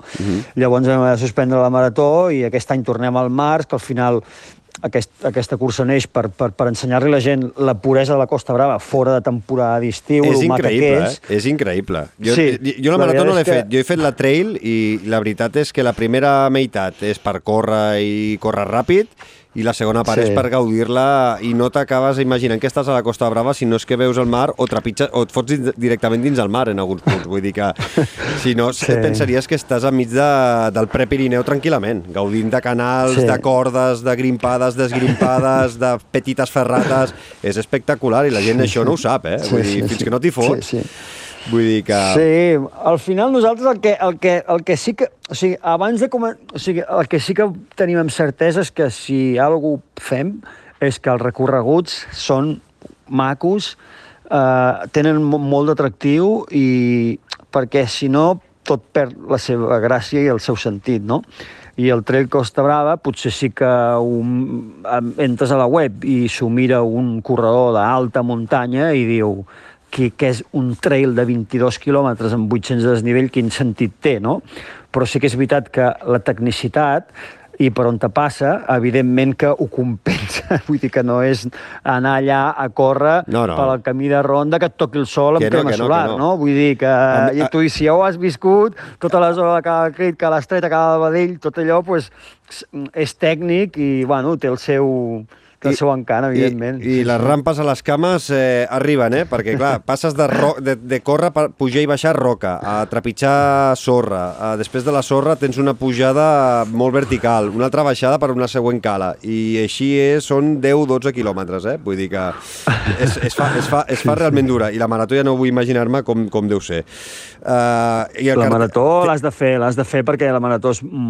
Jo crec que totes, totes les, les curses que són lineals tenen algo, algo, diferent, algo màgic. diferents. Sí, I, perquè- i, i l'has de fer perquè és molt guapo, mm -hmm. és molt guapa. La zona de Begú, la zona de Palafrugell, és Calella... És que és, és una zona que, tot i està, mm, està patint molt per, doncs per, tot, per tot el totxo i tot el, i tot el boom immobiliari que està patint la Costa Brava, hem sapigut trobar una mica doncs, a fugir d'aquestes urbanitzacions i, i passar per llocs més, amb més encant, que això la gent és el que agraeix més. I, I el cartell que de luxe o no, també? Ja teniu artistes convidats o no? Pues és que una mica com abans, no, no ens en preocupem massa, però sempre acaba vinguent... Bueno, ara en, en Tibó Baronian ha confirmat que ve, ja, ja té la reserva de l'hotel i tot, vull dir, en Tibó Baronian ve, en Samuel Dávila també l'ha posat en el seu calendari, vull dir, no sé, és que no, no... Potser ara obris les inscripcions i em posaria amb el cap, eh? I diria, hosti, però si ve aquest i ve l'altre, no? Però, però no, no, no he tingut me- més temps a mirar-ho. Marc, però segur, Marc segur que Pinsac, hi ha, Marc Pinsac segur s'està que ha tornant un, un, un addicte a Clasmarc, eh? La veritat és que en Marc, jo crec que aquest any està fent bé perquè no està esquiant tant, Sí. no està Ja- ja- competint ja ja vam esquís, par- està fent una pretemporada bona i a l'hivern aquestes aquests xispassos amb nosaltres jo crec que li aniran molt bé perquè el seu objectiu aquest any crec, si no tinc mal entès, que em va dir que volia fer la CCC i fer velocitat i pujar de revolucions a l'hivern és el millor que pot fer i, i crec que està amb una, amb, amb una bona línia. Mm -hmm. Escolta, eh, et puc atracar i et puc eh, prendre dues eh, inscripcions per regalar entre els nostres Home, oients per la Trail Costa Bravo, que ja, la confiança que tenim...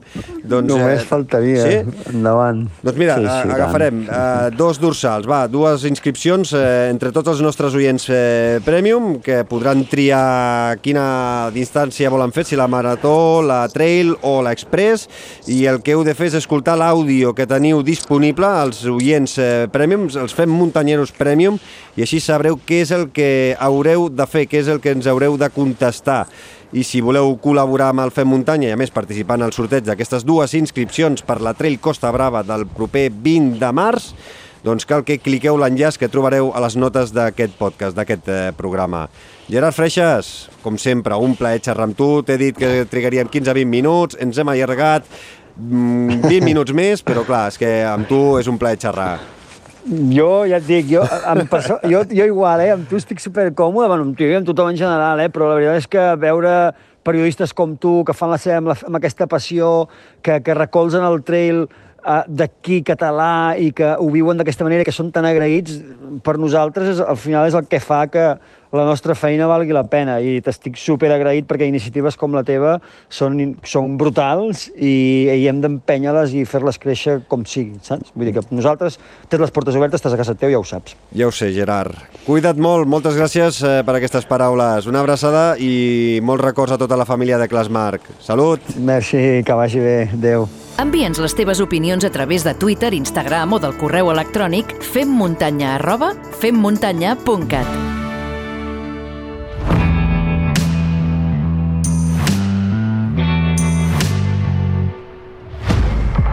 Doncs arriba el moment de passar per la consulta del nostre coach esportiu de capçalera, el Guillem Marchal. Ja ho sabeu, és llicenciat en Ciències de l'Activitat Física i l'Esport i Master Coach per la International School of Coaching. Què tal, Guillem? Molt bones. Molt bones, Xavi, família muntanyera. A veure, primer de tot, ara entrem eh, a la consulta. Primer, eh, la pregunta que estem fent als oients eh, a través d'Instagram i que tu doncs, eh, pots respondre ara és quan fem sèries, repeticions en els teus entrenaments de, de qualitat, que n'estàs fent uns quants eh, per anar a la Marató de Sables d'aquí unes quantes setmanes, a finals de març. Eh, quina és la sèrie, la repetició que més et costa? Uh, ostres, um, jo diria que, que mi- mira, la, la primera em costa, però perquè de vegades, si no has fet uns, eh, uns bons canvis de ritme, saps, just abans de començar, després de l'escalfament i tal, i fas alguns canvis així explosius, eh, em costa agafar el ritme. La primera em costa si és, si és per això. I després jo crec que em costen molt les, les, les, du, les dues abans de la última. Eh, Les dues abans de l'última perquè és com que ja estic... Uh, uh, Vas cremat, vas cremat i, i encara et queden un, una o dos. Sí, i és com que no ho veus, no ho veus. I les dues abans de l'última, perquè l'última ja és la de, la de, la de deixar-te la pell. La de Apretes dir, dents, "A apretes sac". dents i s'acabó. I saps, que, i saps, que quan acabis... moriràs Sí. i ja està, però després ja està, saps? Després a rodar una miqueta i fora. Però, però jo les dues abans, ostres, sí, sí, sí, les dues abans Que- de l'última és... Doncs crec que jo coincideixo bastant amb tu. Eh? La primera sí que costa, si no has fet un bon escalfament, costa bastant, però sí que la, a mi la penúltima és, és, és criminal, perquè mm, sí, mentalment em, em deixa fos. Però, bueno, Sí, sí, eh, sí. els oients poden dir la seva al post eh, d'Instagram amb la caràtula del programa 59. Passem a consultar. Va, t'has de dir que avui quan eh, m'has enviat eh, el guió m'ha sorprès eh, amb el títol de la píndola els eh, testos s'assemblen a les olles. Eh, D'on ha sortit això, Guillem? Mira, primer de tot t'haig de dir que, que sóc molt observador i m'apassionen els detalls que em posen en context la, la realitat que visc al meu voltant. Dit això, fa molt de temps que visito instal·lacions esportives de tota mena eh? I, i a força de veure els pares i mares que duen els seus fills i filles a les activitats extraescolars, no he pogut quedar-me eh, bueno, igual de sorprès i esturat davant d'una situació que, que realment no m'encaixa resulta que la gran majoria d'aquests i aquests, bueno, i aquests pares i aquestes mares, un cop deixen els nens i nenes amb els seus entrenadors o entrenadores, es dediquen a esperar-los al bar, a les graderies o al cotxe durant una hora o, o una hora i mitja i fins que acaba l'entrenament i després tornen cap a casa. I d'aquest fet, què és el que et sorprèn exactament? Doncs que, bueno, el que més em sorprèn és que, que el teu dia a dia et regala un temps que aquest temps eh, costa a vegades de trobar i que la gent es dediqui, es dediqui doncs, a invertir-lo en no fer res, és a dir, que possiblement, amb l'estil de vida actual, on la immediatesa se'ns menja, i fins i tot eh, la personalitat, que hi hagi gent que no valori aquest moment màgic on de sobte desapareixen les obligacions i responsabilitats i et quedes tu amb tu mateix o mateixa, doncs, doncs em sorprèn, sí. Vol, però no sé, no, no vols dir que ara mateix estàs fent un prejudici? totalment, totalment. Uh, de fet, estic jutjant com es comporta la gent sense saber quina és la seva realitat. Eh? Potser no es volen moure, potser no poden, potser ja fan activitat a un altre horari en algun altre format, poden ser moltes coses i jo ho simplifico tot eh, a que no aprofiten el temps per fer-se un regal meravellós com és tenir una bona condició física, un millor físic, eh, un millor estat mental, més positiu. Però saps què passa? Que, que molta de la gent de la que parlo eh, els conec i, i amb molts d'altres hi he parlat, per tant puc treure un, una regla, una norma, del 80-20, que significa que el 80% de les persones que actuen així simplement no volen fer activitat física i l'altre 20 són els que ja l'han fet o, o tenen previst fer-la en, un altre, en un altre moment. Però sembla una mica incoherent, eh, Guillem, que ja que hi ets, ja que hi has d'anar per obligació i ja que et trobes dins d'un complex esportiu, que no aprofitis per fer esport tu també. No sé, em sembla fins i tot una mica il·lògic, no? La pregunta seria, sota quina lògica et sembla incoherent? Perquè, és clar, si tens la impressió de que fer esport és irrellevant i que és una pèrdua de temps, la teva lògica et dirà que el normal és estar esperant el nen o la nena al cotxe calentet o a la graderia mirant el mòbil o al bar inflant birres. Em sembla que el meu prejudici d'abans és la teva incoherència d'ara. Mm, doncs eh, llavors millor que no ho comentem eh, perquè no, no sé, no, no, no sé si és que eh, creus potser que, perquè és la, la veritat, no? que cadascú ha de poder fer el que li doni la gana sense la seva perspectiva de les coses, no? Sí, això és evident, eh, però abans de res la gent ha de ser conscient de que allò que fa tindrà una repercussió sí o sí, tant en ells o elles com en el seu entorn, ha de ser coherent perquè els seus actes i les seves paraules estiguin alineades i tinguin significat i, i ha de ser conseqüent perquè el resultat serà exactament el producte de, de que les dues anteriors afirmacions es compleixin o no. I això què, què és el que significa exactament, Guillem? Doncs que el que jo veig són pares i mares que porten els seus fills a fer esport o activitat física i que segurament els deuen parlar de la necessitat de fer-ho dels beneficis que n'obtenen si ho fan, dels valors positius que assumeixen quan ho fan, etc etc. I després els fills no veuen que els seus pares i mares prediquin amb l'exemple perquè es queden al cotxe, a la graderia, al bar, etc. Mai tenen temps, sempre els supera el dia a dia o tenen lesions i dolències perpètues que només se saben solventar amb pastilles màgiques significa exactament això, que si tu realment et creus el discurs que fas i realment vols que el teu fill o filla es comprometi amb l'activitat física i l'esport, perquè realment et creus que és beneficiós, has de deixar de posar excuses i compartir alguna cosa més amb ells i elles que no només un sostre. D'aquí aquesta dita tan nostrada, no? Totalment. Els pares i mares sou i som els referents dels nostres fills i filles en les primeres etapes de les seves vides, sobretot fins que arriben a la pubertat i l'adolescència, on aquest lloc ja el comencen a ocupar més de les amistats.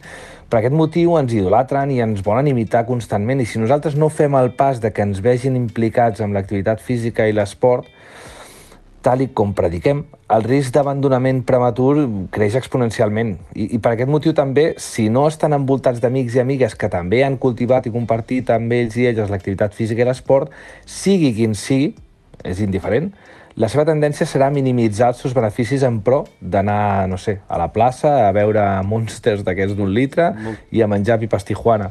I, I tots sabem cap a on condueix irremediablement eh, aquesta situació. Per tant, sí, els testos s'assemblen a les olles i si no són capaços de ser olles de qualitat, eh, dels testos no brotaran les millors flors ni plantes, I, segur. que, I llavors què, què és el que planteges amb aquesta reflexió? Doncs vist el que he vist, jo no li diré a ningú el que ha de fer, però sí que els demanaria que es fessin una pregunta ben clara. Puc compartir l'activitat física i l'esport amb el meu fill o filla? Cadascú que vegi clara la resposta, però, si us plau, que no diguin que no poden perquè són petits o petites o perquè no tenen temps o bé perquè no tenen diners. L'honestedat és imprescindible, així que més val a dir que no vols, ja sigui perquè no creus eh, poder aportar-li res eh, degut a la seva edat, perquè no estàs disposat o disposada a invertir el teu temps en això, o bé perquè els diners que tens els prefereixes eh, fer servir per qualsevol altra cosa. Jo, per la meva banda, eh, com que vull que les meves filles gaudeixin de l'activitat física i l'esport, com que també vull que visquin les amistats que se'n treuen, com que vull que sentin dins seu els beneficis mentals i físics de practicar-ho, com que vull que ens uneixi alguna cosa més que la sang o la convivència, doncs seguiré animant-les perquè facin l'activitat que els vingui de gust, perquè em vegin que jo cada dia predico amb l'exemple i perquè mm, bueno, vulguin compartir amb mi el nostre temps eh, d'esport. Doncs, eh, Guillem, eh, gràcies. Moltes gràcies per les eh, confessions aquestes fetes i per tocar una mica el crostó una mica als que encara no fan esport o els que el fan sense adonar-se'n de la importància que té el poder-ho compartir amb els que més estimes, ja siguin fills o filles, parelles o amics, i que ens escoltem d'aquí 15 dies. Moltes gràcies, cuida't, una abraçada. Fins al proper programa. Adeu.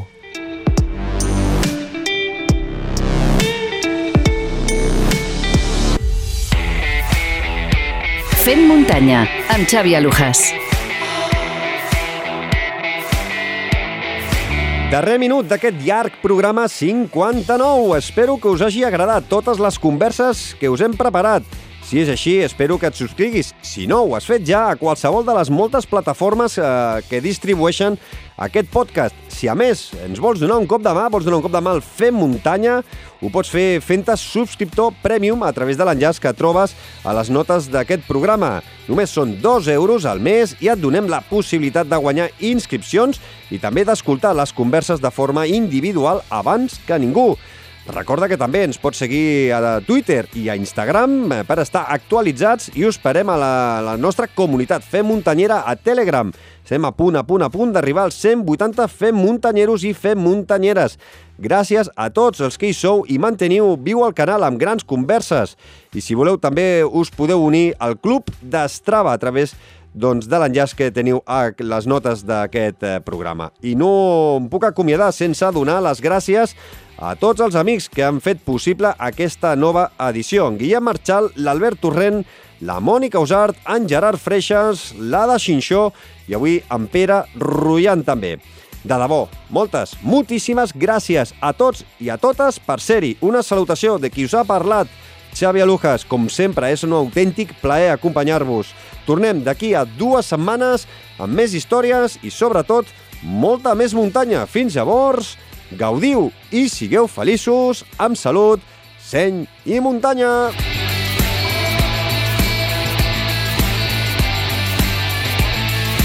Subscriu-te al podcast de Fem Muntanya.